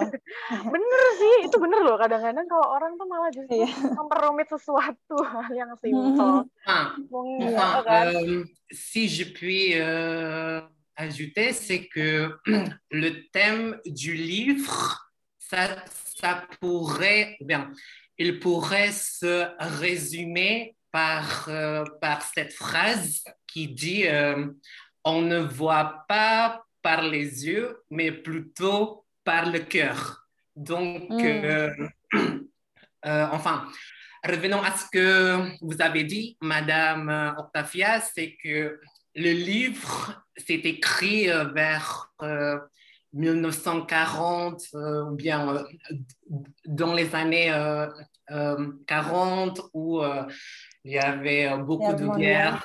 Et donc, à l'époque, à cette époque-là, euh, euh, quand on détestait quelqu'un, autant, autant lui déclarer une guerre.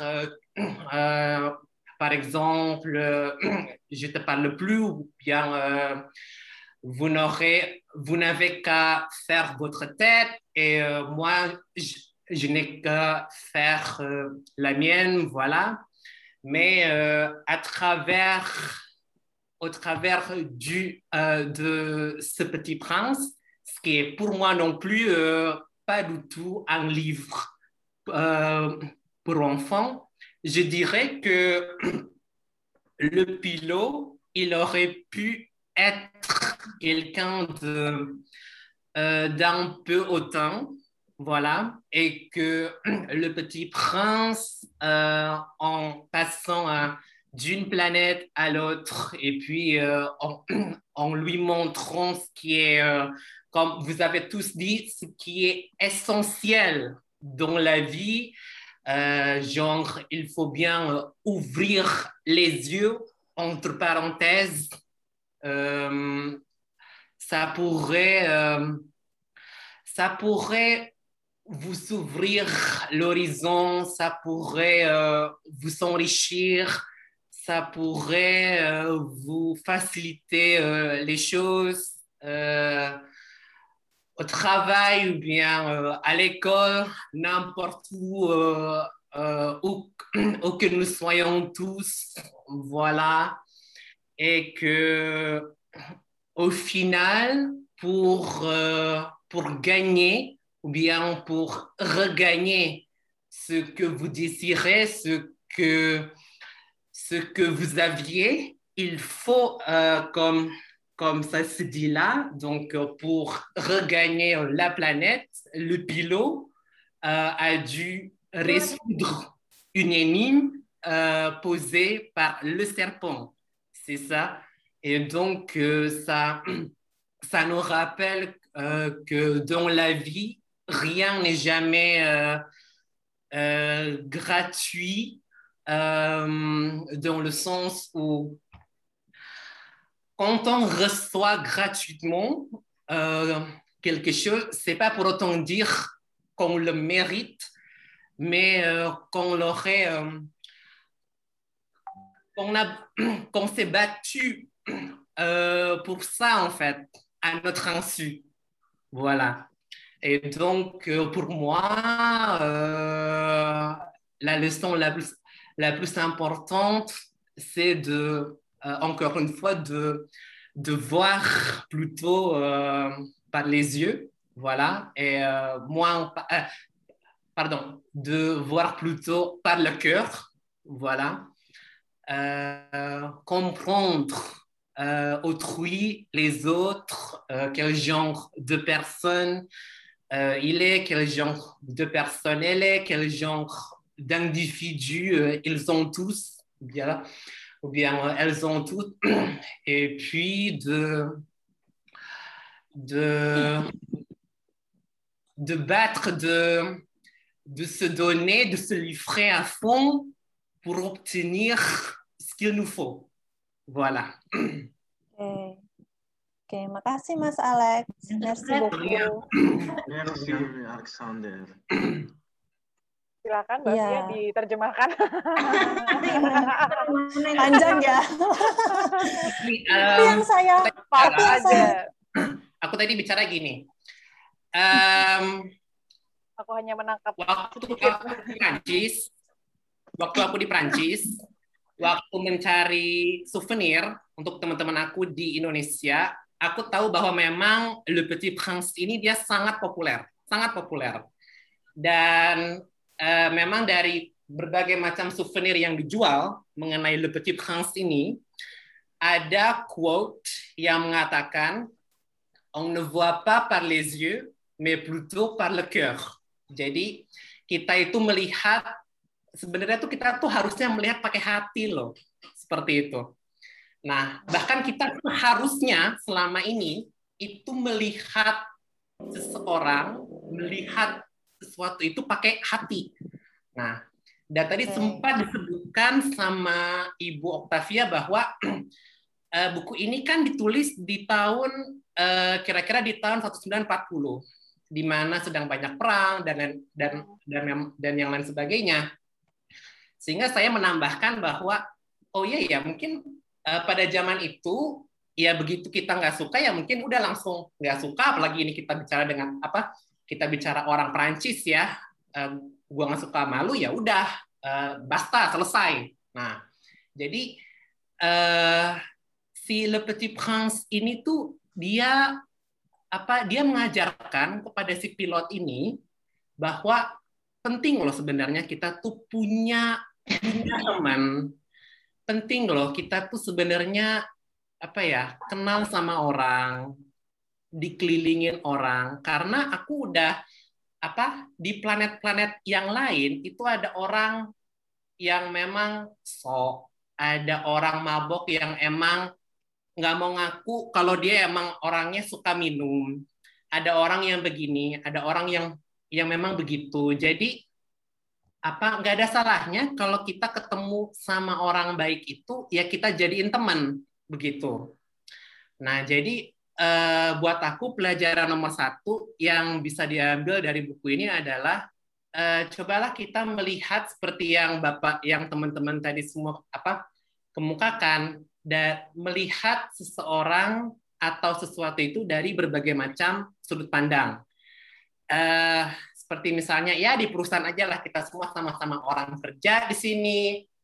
Eh, apa banyak praduga kok dia tidak mengerjakan atau dia kok dia begini kok dia begitu bahkan dari kita ke anak-anak kita kita ke orang lain eh, aku nggak tahu sih eh, bisa siapa pun kadang-kadang kita dengan alibi supaya cepat atau ya emang kelihatannya begitu yang yang gua tangkep pakai mata, yang gua tangkep pakai pikiran gua, jadi ya udah, gua udah nggak peduli. Toh kalau ditanya pun dia, dia akan pasti bohong. Oke, iya oke. Makasih Mas Alex. Thank Bagus you, Mas banget Alex dua sharingnya. bahasa. Iya, jadi ini ya Mbak ya, eh, Mbak Ami yang aku bisa tangkap ya dari eh, Mas Alex ini ada nih quote yang favorit dari Mas Alex yaitu eh, kalau saya nggak salah yang esensial adalah yang ya? eh, iya mungkin ya. Yang esensial adalah yang eh, dilihat dari hati eh, dan bukan dari mata. Ya intinya seperti itu. Kayak gitu. Saya nggak terlalu hafal eh, sentence penuhnya ya. Nah kalau Mbak Ami nih mungkin kira-kira ada nih quote eh, yang menyentuh hati yang bisa bikin Mbak Ami Banyak berefleksi banget, lebih. Mbak. nih. Aku tuh kayak dari Yang awal sampai deh. akhir banyak banget Hmm. Eh, apa namanya Bu- part-partnya. Bu Octavia tadi sebetulnya saya belum apa? selesai. Eh, satu pelajaran lagi terakhir eh, yang Oke. saya tarik dari Le Petit Prince ini adalah bahwa harus berjuang untuk mendapatkan apa yang kita mau. Karena di akhir si Le Petit Prince ini kan dia harus menyelesaikan teka-teki ya untuk bisa balik ke eh si eh, pilot itu harus menyelesaikan teka-teki untuk bisa balik ke planetnya. Jadi ya berusaha sebisa mungkin untuk Ya. mendapatkan apa pun yang kita mau. Oke, nice, nice, Mas Alex. Sebenarnya awalnya nih, Mas, kita mau ngomongin apa yang bisa kita petik tuh nanti, tapi karena Mas Alexander udah ngasih Udah keduluan ya. beberapa, bahkan udah dua ya loh. Dan itu Iya. mungkin akan sangat banyak dan balik lagi ya, setiap orang pasti punya hal-hal yang dipetiknya berbeda-beda. Uh, di di segala part sih menurutku dan ini tuh bukunya kayak uh, penuh dengan hal yang bisa kita petik dari dari sisi mana pun sih. Mau dari sisi yang tadi Mas Alexander bilang. Dan itu kayaknya kalau aku dengar dari Mas Alexander bilang sih eh, kebanyakan itu dari si ini ya si rubah ya kayaknya ya. Yang Eh, apa yang kayaknya tidak iya. terlihat eh, apa yang yang penting yang terpenting itu tidak selalu kelihatan oleh mata dia bilang gitu. Kalau di versi bahasa Indonesia. Betul. jadi Iya. kita nggak bisa langsung eh, judging orang dari apa yang hanya kita lihat aja bisa jadi backgroundnya kita kan ada hal-hal cerita-cerita yang kita nggak ngerti. Jadi mungkin tahan diri dulu jangan langsung judging Ya. orang tiba-tiba mungkin itu ya yang bisa kita petik ya. Dan kadang-kadang kan kita melakukan itu baik secara sengaja ataupun tidak sengaja ya. Aku juga kadang gitu mas. Bener banget. Sama mbak sama semua sama di sini Oke, ini eh, karakternya si Rubah ya, atau kita mau bahas karakter Rubah dulu nih. Kayaknya banyak banget. eh, itu juga salah satu karakter yang paling ngena ya di aku ya si Rubah itu. Baik mengajarkan untuk orang melihat sesuatu tidak hanya dari apa yang kelihatan, tapi kamu bisa cari esensinya. Dan juga aku yang eh, seru nih Mbak Mbak Via ini loh kata-kata. Kalau di aku kan baca versi bahasa Indonesianya ya, dia memakai kata-kata eh, menjinakkan dia bilang gitu kan si eh, translatornya ini tuh di- jadi si rubah itu malah mengajarkan tentang relationship sih. Gimana sih kamu building uh, building relation sama orang lain? Ya dia bilang ya kamu nggak bisa dong tiba-tiba uh, sayang katakanlah gitu ya. Tapi relationshipnya ini menurutku general. Bisa jadi dengan teman ataupun bisa jadi dengan pasangan. Jadi Ya. nggak bisa kamu tiba-tiba sayang. Kamu tuh harus sabar harus mau uh, ritual dia bilang gitu ya kadang kamu muncul jam segini. Kalau kita kan kayak ya kamu malam mingguan dong datang setiap malam minggu kamu telepon dong pagi atau siang kamu nanyain dong aku udah makan apa belum? Nanti lama-lama aku jadi jina dia bilang gitu kan. Kalau aku jina nanti tuh kamu tuh jadi seseorang loh buat aku. Jadi tuh kayak ngasih tahu kita untuk men- mencari the one yang orang bilang siapa sih orangnya dia bilang gitu kan. Jadi kayak eh, Iya. kalau apa sih creating someone for somebody. Jadi dari sekian banyak orang, ratusan orang, akan ada satu orang yang spesial di mata kita kalau kita tuh punya usaha, dia bilang gitu kan. Nah itu adalah definisi menjinakkan di dalam pikiran. Iya. Nah itu satu Oke. hal yang aku ambil sih kayak eh, itu kok jadi kayak ngomongin jodoh ya, aku bilang gitu sih. Jadi jodoh itu tidak akan Sudah lama, terlalu lama ya BFK mungkin ya. Oh iya, iya sih. itu kayak back eh, dulu zaman-zaman dulu ya, Mbak. Jadi kayak kalau kata orang jodoh itu udah ditentukan Tuhan gitu kan. Ya memang udah ditentukan, tapi kalau kamu nggak usaha ya gimana mau ketemu. Kalau kamu nggak eh, nggak mengusahakan sesuatu, mau kenal, mau sabar, mau Iya. tumbuh bareng-bareng ya jodoh yang nggak akan Usaha datang lagi, juga Mbak. kan. Bener usaha Iya. itu aku juga yang paling paling uh, sama sama Alex bener-bener harus usaha. Terus In- ya, terus langsung nyanyi lagunya Kunto Aji tuh Mbak. Yang mana tuh? Lalu lama sendiri. eh ini udah malam loh, jangan bikin suasana ini tambah lonely.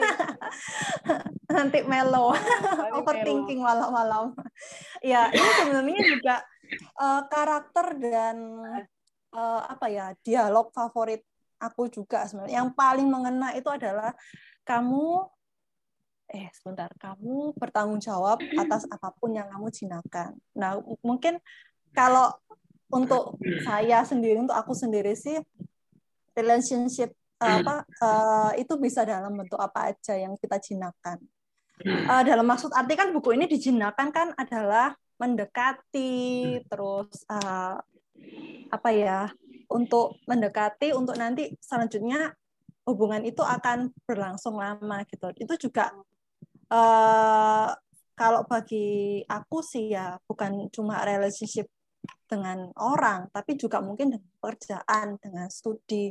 Karena eh, kita kan untuk menjinakkan itu kan apa ya kita sadar kan kita mau eh, memutuskan untuk mendekati eh, seseorang atau sesuatu itu kan. Nah, kayak gitu. Jadi ketika kita memutuskan untuk kita mungkin eh, bekerja di perusahaan X atau mungkin kita eh, memutuskan untuk eh, studi lanjut atau mungkin kita untuk memutuskan nih eh, oke hari ini aku mau bangun pagi itu sudah menjadi sebuah apa ya tanda kutip itu relationship gitu dengan diri kita sendiri relationship dengan keputusan yang kita buat sendiri. Dan itu kita harus pertanggungjawabkan dalam arti eh, kita harus menyelesaikan gitu. Jadi kita kita ah, gimana ya kita memutuskan untuk memulai kita juga harus memutuskan untuk bisa mengakhirinya Oh my god. bisa mulai bisa Gitu. mengakhiri ya. Itu kok kayak cerita zaman skripsi sih, Mbak. skripsi kita Iya. bisa mulai tapi mengakhiri itu masih tanda tanya kadang-kadang terlalu lama itu. aduh susah banget itu iya Oke. Oh, kita karena mungkin apa ya ya itu keputusan ya Heeh, benar. Itu mungkin beberapa part ya. Jadi kayak banyak banyak hal di dalam uh, buku ini yang malah justru orang-orang dewasa tuh banyak memetik uh, memetik pelajaran untuk kedewasaan kita ya, baik mau dari si naratornya juga kan menurutku ya dia belajar dari si anak kecil ini bagaimana cara untuk dewasa kan.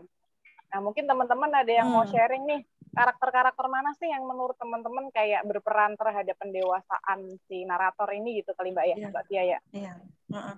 Apa sih Iya, mungkin kita bisa sekarang bisa bikin masuk ke gitu. Mm-mm. kita bisa mungkin juga masuk ke bagian scene atau bagian plotnya ya gimana kapan sih kira-kira si Little Prince ini si pangeran kecil ini eh, apa ya jadi lebih dewasa gitu. bisa sharing-sharing nih di chat Tadi kita udah Silakan, teman-teman. bahas rubah Iya, ya, teman-teman. rubah udah. Mungkin ada karakter yang lain gitu yang uh, yang berperan Bentar, dalam boleh nggak?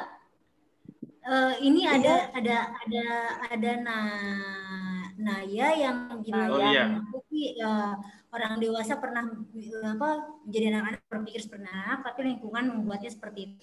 Eh, maaf masih bab satu juga eh, di chapter 1 juga di situ kan eh, pas dia eh, menggambar ini, karena sekarang hari anak ya jadi sekarang hari anak ada hubungan dengan pendidikan dan lain sebagainya. Dia menggambar, terus gambarnya nggak dipahami dan katanya orang dewasa harus selalu dijelaskan. Eh, terus ya udah kamu belajar aja sejarah, geografi, matematika itu bakalan berguna dan memang katanya berguna. Eh, nggak tahu sih bakal bisa didebat atau tidak. Maksudnya bakal perdebatannya pasti panjang. Ada yang pernah mengatakan juga imajinasi berhenti ketika kita masuk sekolah apakah gara-gara sekolah? Karena kan ketika di sekolah masuk kita kita masuk ke institusi sekolah toh kita masuk ke institusi sekolah terus sekolah memformat kita untuk berpikir seperti itu sehingga ketika kita dewasa makanya jadi udah aja lo belajar ya, geografi yang udah pasti bakalan berguna dengan ya, apa uh, untuk hidupmu. Matematika udah pasti berguna udah nggak usah mikirin yang lainnya lagi ya. Jadi sekolah dan anak, apakah sekolah sementara saya sendiri pengajar di satu institusi, jadi apakah sekolah itu akhirnya membatasi anak untuk berpikir uh, dan ketika dewasa untuk berpikir out of the box atau dari Wah, hmm. itu itu sangat bisa diperdebatkan sih Mbak. Oh bener ini udah kayak udah siap-siap ayo berantem dulu. Iya. sangat diperdebatkan ya pertanyaannya dari Mbak Coba Irma tadi. Mbak Irma. Uh, apa Mungkin... malah sekolah yang menghambat kita apa namanya jadi orang yang apa tadi imajinasi terhambat dan tidak kreatif itu kan ya pertanyaan. Gimana teman-teman ada yang mau ngasih pendapat dulu nggak? Mungkin yang lain. Mungkin karena dalam yang teman-teman kalau mau ikutan nimbrung nih. Silakan. Tapi teman. kalau saya kalau saya boleh sharing nih, um, mungkin dalam konteks ini adalah anak yang kreatif ya dalam tanda uh, dalam kata lain kan semua anak ini kan beda-beda ya. Jadi ada yang memang uh, dia metode belajarnya visual, audiovisual atau mungkin malah ada anak yang memang dia suka baca buku yang isinya tulisan semua atau mungkin dia memang interestnya di science kayak gitu. Jadi Eh, nggak uh, tahu ya mungkin dari pengalaman saya ya uh, mungkin metodenya yang nggak tepat mungkin jadi ada memang beberapa anak yang beruntung uh, di sekolah yang memang mempunyai metode yang seperti yang yang dia ingini kayak gitu. Ada juga yang kurang beruntung kayak gitu. Jadi um, uh, metode yang diterapkan di sekolah itu uh, bertolak belakang dengan metode apa yang dia bisa digunakan dengan dirinya kayak gitu. Kayak gitu sih mbak.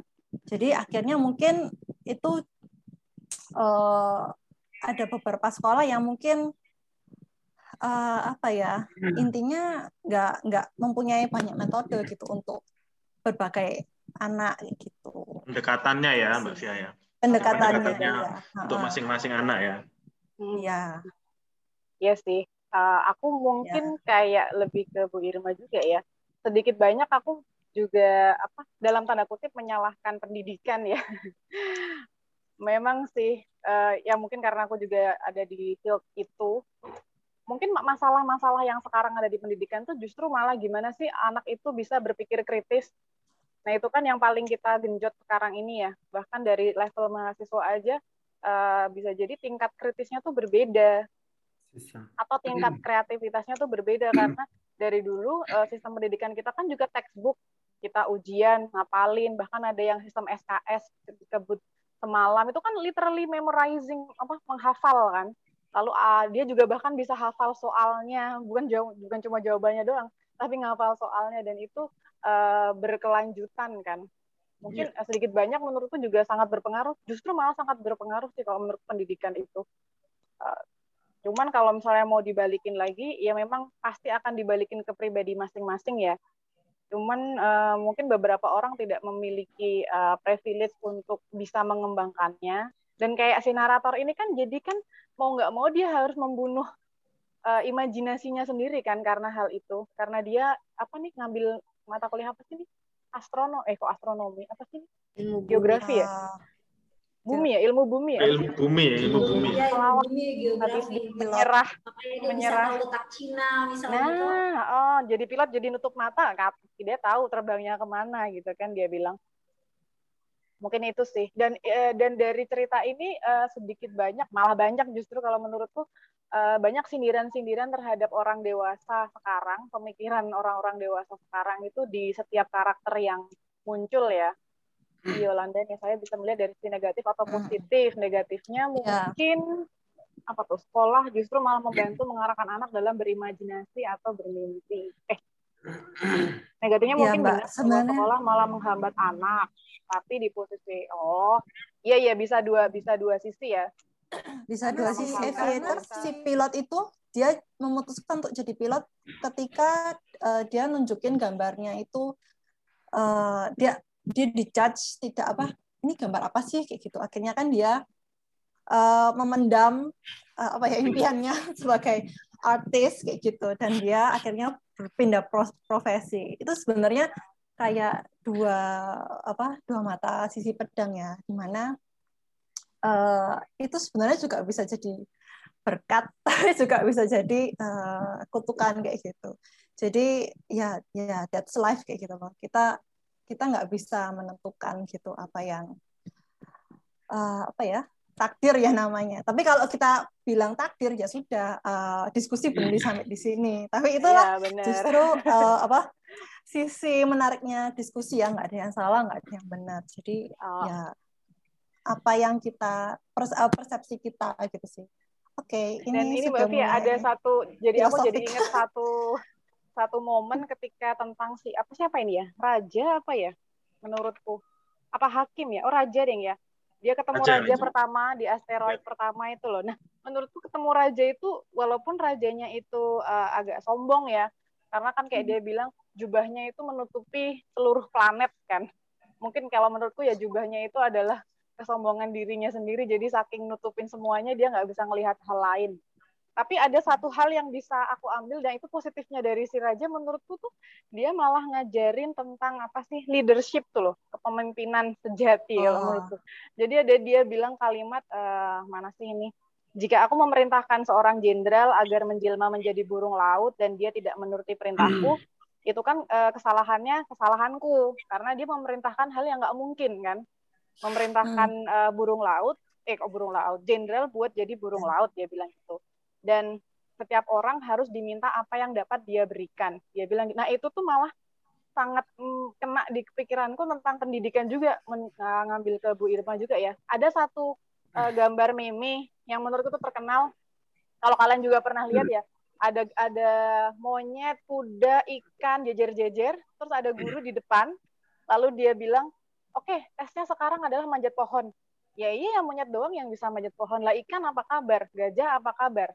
Mungkin itu kan kayak di pendidikan kita kan semua ya, betul. hal dites dengan cara tertulis disamaratakan disamaratakan ya, bener. Tapi nggak ngelihat kemampuan kemampuan masing-masing itu. Jadi kan kalau dari sisi raja ya yang salah tuh yang ngasih perintah dia bilang gitu. Hmm, hmm, hmm. nah kalau mau ya, ya. pendidikan ya yang salah ya itu tadi si raja yang ngasih perintah itu tadi kalau menurutku.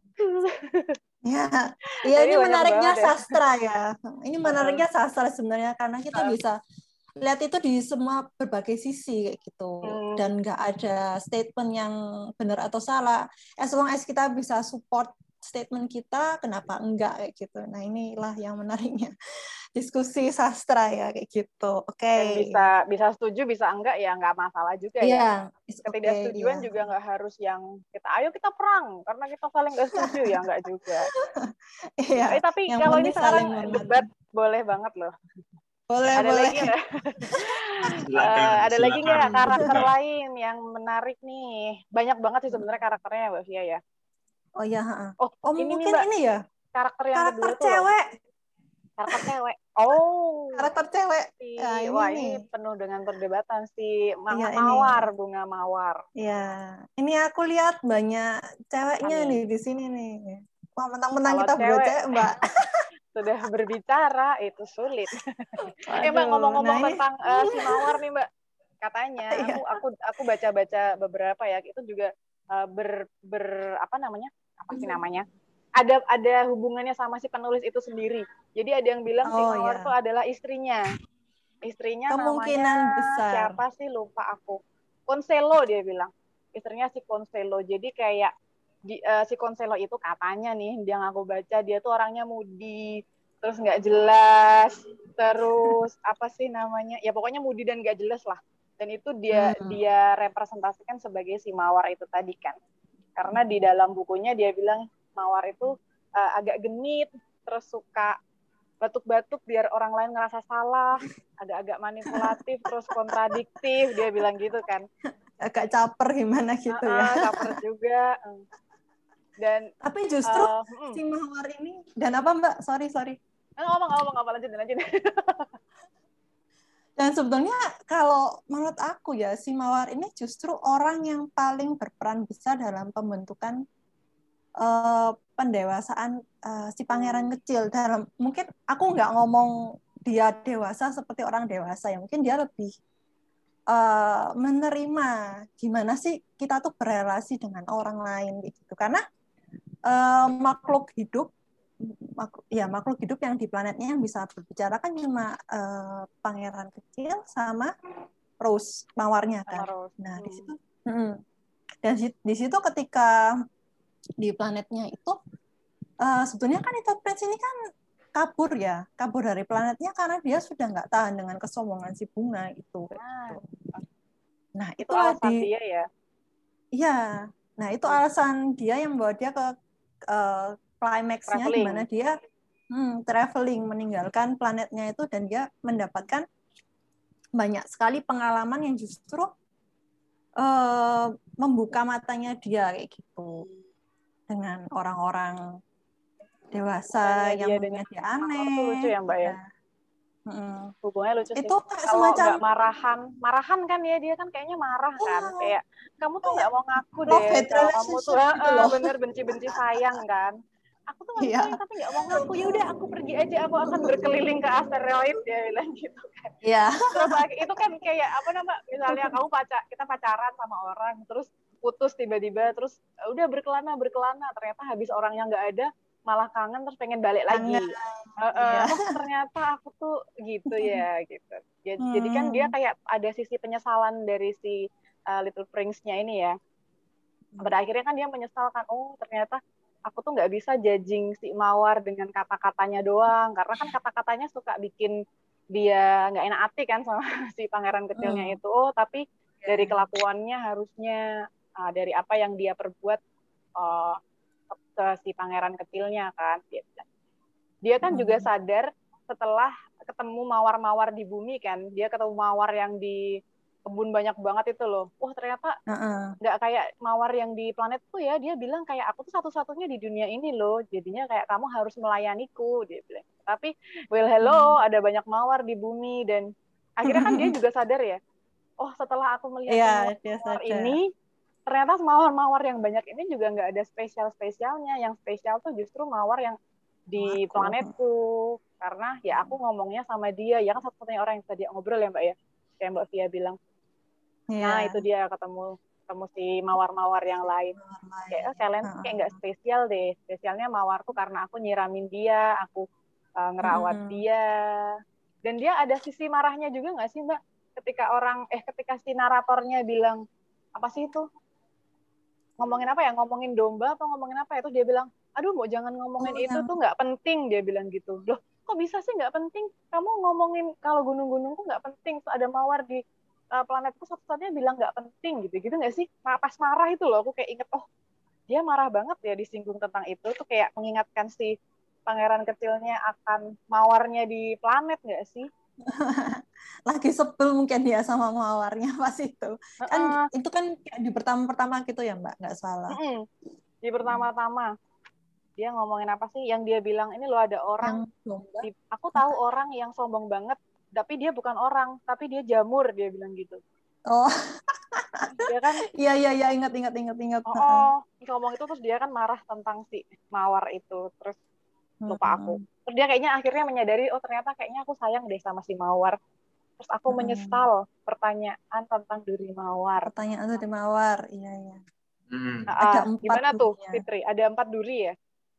Uh -uh. silakan Mbak Fitri hmm. kalau mau ada yang mau disampaikan? Oke, okay.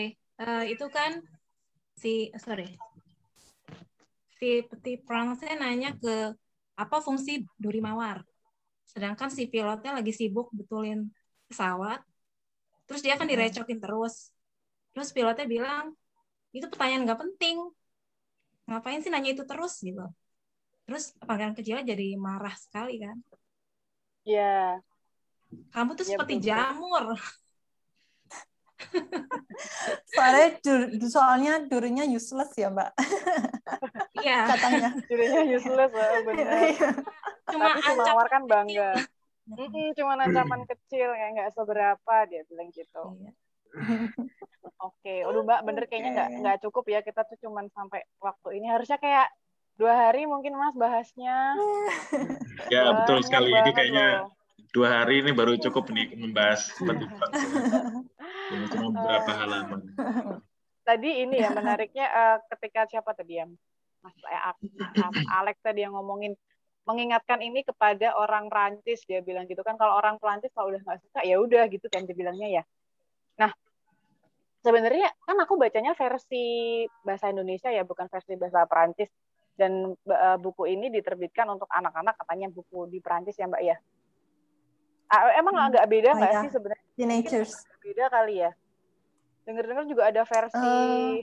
bayi atau gimana? Oh iya, apa namanya? Oh, eh, iya. Petit Prince ini kan kalau kalau mungkin di di Prancis itu kan masuknya jeunesse roman ya.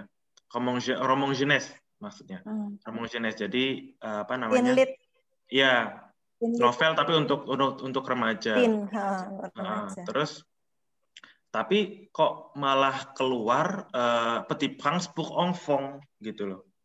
Jadi Petit Prince untuk anak-anak kecil berarti kan ini eh, ya bisa dibilang kalau untuk anak kecil masih terlalu susah gitu loh Ya, ada, bukunya. ada. Ya, punya. Gimana? Gimana ada gimana? eh, Petit Prince apa eh, buat anak-anak eh, Iya. ada juga anak-anakku ada. Hmm, iya, iya. Sebenarnya banyak banget sih karya-karya yang memakai karakter ya mungkin ya. Karena kalau saya lihat juga ada yang kayak cuma buku, board book kayak gitu terus kayak eh, satu ang itu misalnya eh, shipnya eh, dombanya. Terus kalau tiga tuh baobabnya ada tiga. Sebenarnya itu ada beberapa jenis eh, ini saya sharing dikit nggak apa-apa ya. Jadi ada beberapa jenis selain karya adaptasi, itu ada karya apropriasi. Jadi di mana satu karya itu eh, dibuat dengan menggunakan karakter. Seperti contohnya kalau kita tahu Romeo and Juliet, itu kita banyak nemuin eh, ada Romeo and Juliet, tapi itu endingnya eh, happy happy ending kan nggak kayak aslinya gitu. Eh, bukan fanfiction lain lagi. Fanfiction itu eh, kayak seperti sequel. Jadi itu nggak termasuk apropriasi kayak gitu. Ininya Ini- seperti gitu sih teman-teman. Jadi ada Ini- ada beberapa untuk kenapa? Mbak Mbak Via dan Mbak Mbak Ami, ini kan kebetulan ada direktris saya nih, Madam Sarah Kamara. Apakah kita mau menanyakan langsung Ya ya boleh. Boleh, Eh, boleh, boleh. Silakan apa Mas namanya itu. buku buku Petit Prince ini apakah untuk anak-anak atau buku orang dewasa gitu? Bonsoir, Sarah. Oui. Bonsoir, Ah, on- Sarah. va, oui, on va on va vous demander euh, concernant le, le livre de Petit Nicolas. euh, en France, est-ce que c'est considéré comme le, le livre pour enfants ou bien le livre pour, euh, pour les adultes? C'est considéré comme un ouvrage universel, donc euh, il s'adresse aussi bien aux enfants qu'aux adultes. Ce qui est intéressant avec cet ouvrage, c'est que à tous les âges, vous pouvez avoir une lecture différente. Hmm. Euh, les enfants comprendront certaines choses, les adultes en comprendront d'autres. Donc c'est tout l'intérêt en fait euh, vraiment de, de cet ouvrage. Hmm. C'est qu'on a appris des, des compréhensions, des lectures différentes. Iya, voilà. Merci beaucoup Sarah. Jadi eh, di, di Prancis itu Sarah. lebih ke lebih ke universal ya. Hmm.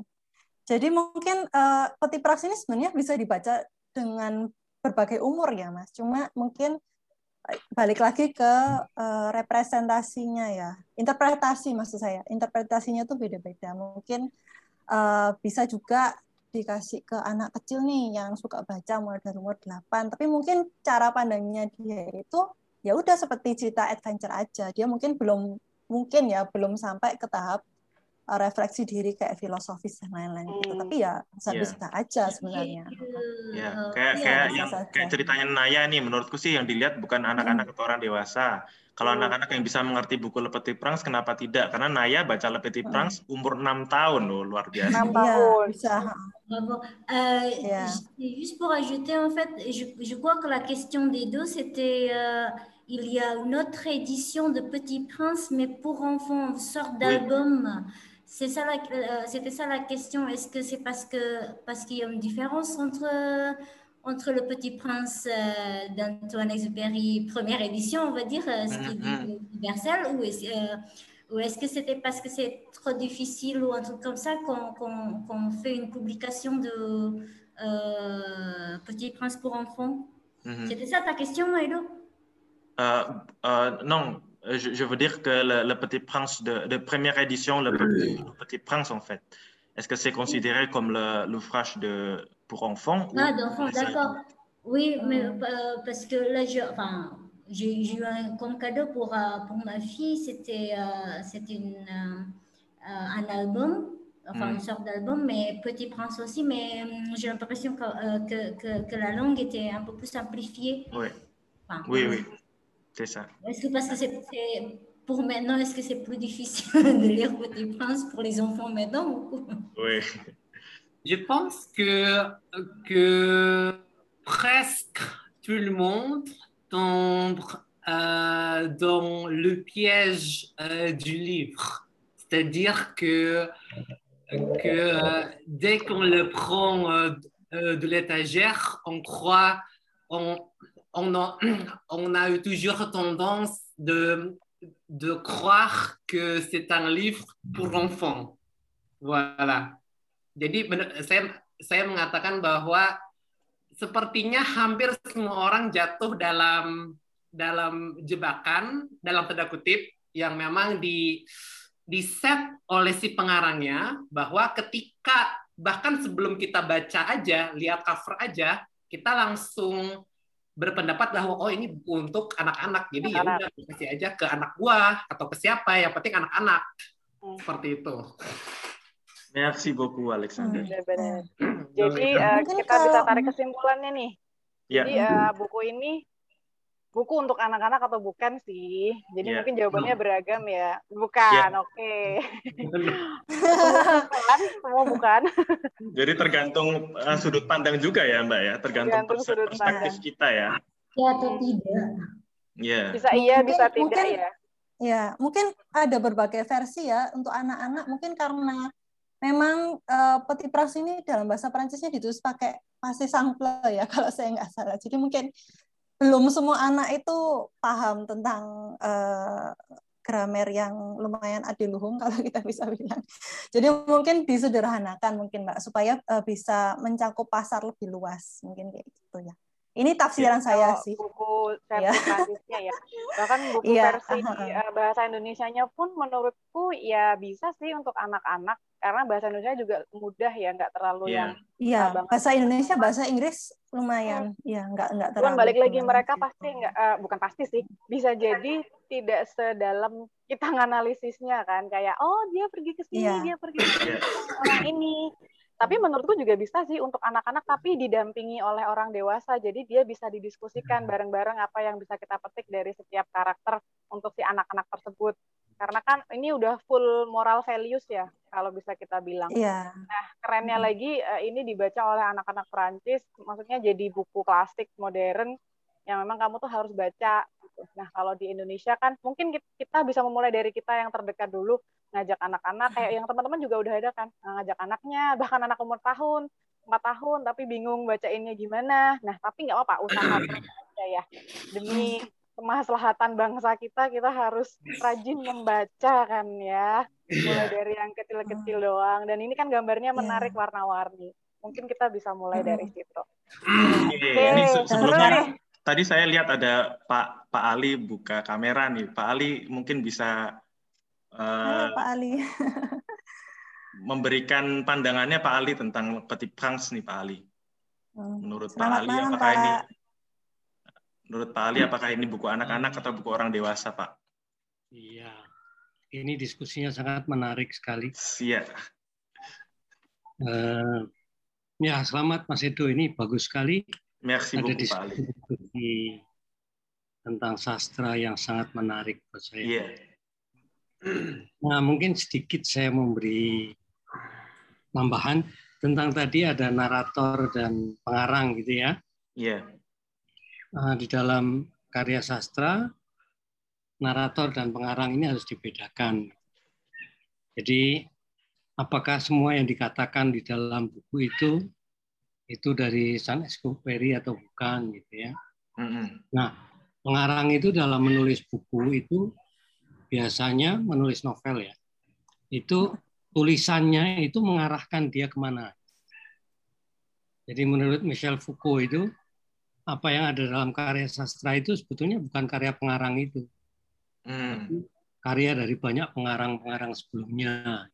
Hmm. Yang itu saling saling menghubungkan satu sama lain. Nah, tadi saya tertarik dengan Alexander tadi ya, Alexander. Yeah. Alexander itu bagus ya. sekali dia melihat karya itu, ya dia punya interpretasi yang cukup bagus gitu. Bahwa kita harus melihat itu bukan dengan mata, tetapi dengan hati. Nah, yeah. itu ke mana ada kesimpulan itu karena itu pertemuan antara tokoh-tokoh jadi tokoh-tokoh itu itu membuat satu kerucut gitu ya, yang puncaknya itu disebut sebagai tema itu. Nah, temanya apa?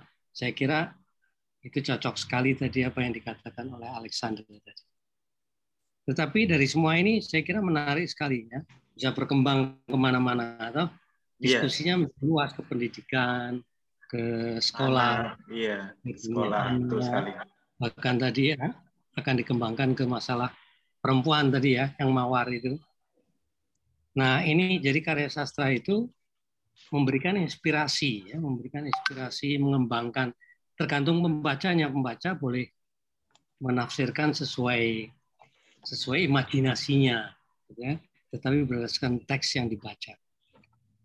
Kira, huh? saya kira bagus sekali dan uh, saya menikmati diskusi ini sangat menarik saya kira perlu digalakkan lagi ya. Siap Pak Ali.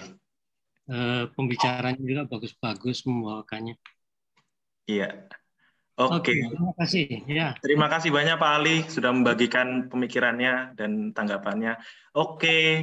Uh, sebenarnya kita sudah sampai di penghujung acara, teman-teman sekalian.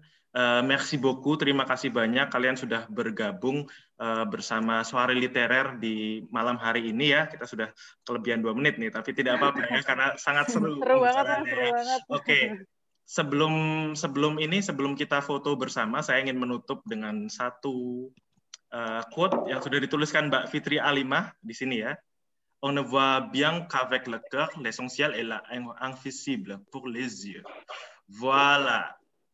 Begitu ya teman-teman ya. Kita harus melihat dengan hati karena yang esensial itu tidak terlihat oleh mata. Oke, merci beaucoup. Sekarang saya minta teman-teman semua buka kameranya, kita akan berfoto bersama. Teman-teman, ya. Kamera saya lagi error. Oke, nggak nggak apa-apa Mbak Mbak Irma. Udah mati lampu di sini mah. Oke. Sarah, Arka, Mbak Ripta, Mbak Ade, Adestia. Sudah? Oke. Ini ada ada dua kali ya, dua kali ya. On va, on va prendre la photo euh, deux fois. Oke, un, deux, trois. Oke, satu kali lagi teman-teman. Encore une fois. Un, deux, trois. Oke. Okay, merci beaucoup. Merci beaucoup. Merci, merci beaucoup. Terima kasih banyak. Terima kasih. Merci Monsieur Edo, Madame. merci beaucoup ya. Alexander. Merci, merci semuanya. Merci Deborah. Ya. Merci Sarah, merci Pak Ali. Merci, bonne soirée. Tetap jaga kesehatan. Bonsoir. Bonsoir Sarah.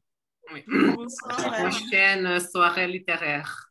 Bonne soirée. Merci, Alexander. Merci. Au revoir. Au revoir. Au revoir. Bonne soirée. Bonne soirée à tous. Au revoir.